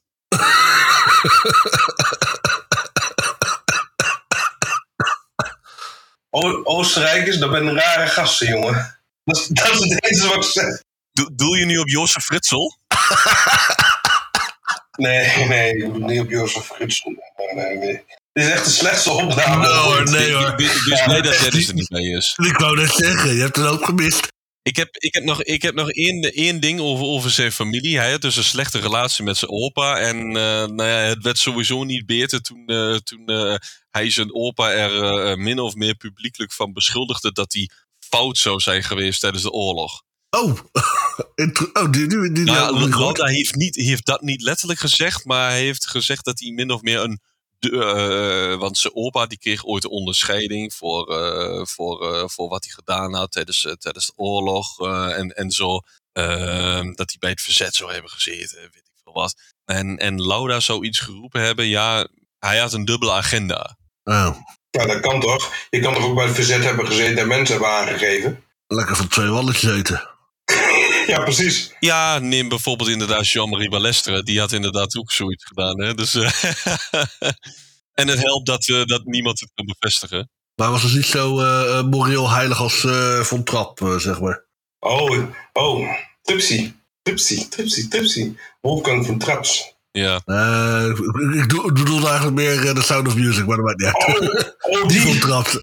Zo, oh, die van hier gaan we ook kijkers mee verliezen. Gaan we ook weer verlies. Ik bedoel, we hebben die Sissy al gehad, we hebben de Von Traps al gehad, dus het gaat helemaal de verkeerde kant op dit. Nou ja, ik denk dat de moeder van Dennis Sisi en, en, en Van Traps nog wel leuk vindt. Maar eh, Dat is waar. Nee, maar inderdaad, eh, ik, ik, ik, ik weet niet, ik heb dat ook wel. eh, of, ik, ik heb er wel eens wat opgezocht over zijn vader. Maar ik, daar ben ik vrij weinig van tegengekomen of zo. Of dat die ook, ook met beschuldigingen of zo hoor. Eh, dat, hij, eh, dat hij fout zou zijn geweest. En aan de andere kant, ja, weet je, het, toch wel Oostenrijk hè. In, eh, nou ja, jaren, eind, begin, nou ja, jaren 30 opkomst. maar goed, dat. dat weet ik niet. Ja, ik vond het een, ik vond het een zeer een mooi persoon. Ehm, altijd in interviews ge- genoot ik van zijn, zijn kennis, zijn, zijn, zijn onvoorwaardelijke, nou, onvoorwaardelijke knip. Maar zijn, ja, zijn ongezouten mening, sorry. ongezouten mening inderdaad die hij gaf. En, en ik, ik heb wel eens gezegd, ja, ehm, als hij een opinion whether you like it or not, take it or leave it. Ja. Eh, oh, dat wou, ik- dat wou ik nog even vragen, ja. Waar zien jullie, of ja, het is zo verschrikkelijk hè, dat, dat, dat, dat een soort zogenaamd goat-lijstje. Maar eh, staat hij bij jullie, staat hij bij jullie in de, in de top eh, 10? Hij staat bij mij in de top beste rijders aller 5. Top 5 Oh, top beste, vijf. beste Formule 1 coureurs ooit. Ehm, Goeie vraag. Ik heb laatst, laatst, laatst wel een lijstje voor mezelf gemaakt. Eh, zeg maar een beetje zo in mijn Ja. hoofd. En daar had ik, daar had ik, was het een beetje een, een, een, een, een vergeten, vergeten entry. Maar ik denk eigenlijk, als je, als je even heel sec kijkt naar wat hij allemaal gepresteerd heeft, dat hij dat ja, zeker top 10 en, en ja, wellicht ook wel top 5 is. Denk ik. Ik schat zijn prestaties, eh, schat ik hoger in. Eh, en ook de wereldtitels die hij heeft gewonnen, zeker in de omstandigheden, schat ik hoger in als die van Ayrton Senna. Dat snap ik. Niet omdat ik eh, Senna niet mag of zo. eh, maar, maar meer om het feit van eh, dat hij dus natuurlijk in die jaren wereldkampioen is geworden. Ook natuurlijk wel een beetje zijn heroïsch, zijn heroïsch le- hè, zijn comeback. Dat telt voor mij wel extra zwaar. Durf ik hem ook wel in mijn eh, top 5 beste rijders aller tijden te zetten. En dan misschien net, misschien net zes, maar, maar zeker wel. Hij staat bij mij in de top 5 omdat, omdat hij, eh, kijk, als jij, als jij bewezen hebt dat jij een team kunt opbouwen, dat jij echt een team kunt opbouwen en succes kunt hebben met, met dat team. En, en dat het team daar later, en door je- latere jaren ook nog profijt van heeft gehad. Dus als jij er niet meer zit, dan, dan heb je echt, eh, dan sta je bij mij eh, sowieso in de top 5. Dus ja, ik heb de vaak al- Schumacher is mijn jeugdidool, die zal bij mij altijd op één blijven. En, en eh, 2 en 3, dat is voor mij, eh, dat is voor mij Clark en Fangio. En eh, eh, nou ja, Lauda. Ja, voor mij ook. Ja, ja in, in willekeurige volgorde. Het kan, Ja, zijn, de, het kan zijn de ene keer is Clark nummer 2 en de andere keer is Van John nummer 2. En bij mij staat 4 staat Hamilton. Eh, nou, ik, ik heb geen actieve coureurs bij mij in de, in de, in de lijst staan. Dus eh, omdat dat nog niet echt goed te peilen is, om het zo maar even te zeggen. Dus, dus voor mij is dan, eh, wat dan de top 5 wordt dan gevuld met Nicky Lauda en Jack Brabham. En ja, misschien, misschien hoort Jackie Stewart er eigenlijk ook nog bij. Eigenlijk wel, hè. Ja, dus Ja. Nee. eigenlijk zou je een top 10, eh, Drievoudig eigenlijk zou je een top 10 wereldkampioen. moeten maken. En dan John Surtees er nog bij, Graham Hill. Graham Hill erbij. En, da- en dan Senna en Prost misschien. Ja, Prost schat ik toch ook wel hoog in, hoor. Pro, Pro- Prost had zomaar de originele zevenvoudig wereldkampioen kunnen zijn. Ja, En misschien Ja. nog wel meer. ja nou, zeker. Schumacher had Zeker, zomaar, absoluut, 12, zonder Schumacher meer. had zomaar 12-voudig wereldkampioen kunnen zijn. Ja, we hebben het toen uitgerekend, hè. Maar daar moeten we wel bij zeggen, we hadden een aardige Duitse bril op en eh we Genoeg zaten aardig in... eh, eh, bier erin, ja, ik snap het alweer. Ja, precies. En nee, degene die in, Duitse, in, in, in, Duitse fanboy praat. Maar inderdaad, eh, als, als, als, als, als. Maar goed, dat is ook zo mooi. Maar inderdaad, voor mij geldt Niki Lauda absoluut eh, als een van, de, een van de grootste ooit. En eh, ja, allen respect eh, voor, voor hem als mens gehad en, en als coureur. Inderdaad. ehm, en ik weet, niet, ik weet niet wanneer we gaan afsluiten. Maar, maar als, als, we, als, als we nu bij de afsluiter zitten, dan, wil, ik, dan wil ik de luisteraars in ieder geval nog, nog een kijktip geven. Op YouTube, In Depth with Graham Bensinger. Als, als jij op YouTube zoekt op eh Niki Lauda, Graham Bensinger, dan kom je op het hele interview van, eh, van, de, Amerikaan, eh, van de Amerikaanse man genaamd Graham Bensinger. En hij heeft, hij heeft wij, wij hebben een aantal van, van de referenties hebben wij gehaald uit dit interview van Niki Lauda met Graham Bensinger. En Graham Bensinger staat er ook bekend om. Die heeft ook interviews gehad met verschillende andere mensen uit, eh, uit, uit verschillende andere takken van sport. Die met Mario Andretti is ook erg mooi. Mario Andretti is ook heel mooi. Met Valentino Rossi is heel mooi. Met, eh, met Lewis Hamilton is ook heel, eh, heel open. een heel open interview. Ja, Het, en volgens mij had hij ook met een van die tennissers had hij ook een, had hij ook een interview, toch? Ehm, Ik ben alleen vergeten met wie. Of, of, of was dat met Roger Federer? Brenda Schultz. Geen idee. Boris Becker. Nee, ja, het, ehm, eh, ja, Ja, nee, eh, inderdaad, hele goede, goede, goede kijktip eh, van Sander. eh. en dan ja, zijn we denk ik wel bij het einde gekomen van eh, onze terugblik op het leven van, eh van eh Nicky Lauda. We hebben het nou, een hoop gelachen, hoop, eh, hoop gekletst, een hoop anekdotes opgehaald. Vond je dit een leuke aflevering? Laat dan alsjeblieft een, eh, like achter op ons Twitterbericht of eh, op eh, vijf sterren op Spotify. Ehm, een like op YouTube kan ook. Eh, eventueel reactie als je het ergens niet mee eens bent. Eh, dat kan op Twitter of op, eh, of op YouTube. Eh, deel ook gerust deze aflevering als je hem geluisterd hebt. Dan eh, doen we het. eh, eh, dan hebben we misschien wat meer luisteraars dan alleen Dennis eh, zijn moeder. Ja, rest me eigenlijk niet heel veel anders dan eh, eh, mijn eh mede-podcasters van vanavond te bedanken. Chris en Sander. jij ook bedankt, Ewout. Ja, bedankt Ewout. En succes met knippen. Komt heel mooi door. Tot eh, de volgende aflevering. Tot de volgende. Hoi. Hoi. Hoi.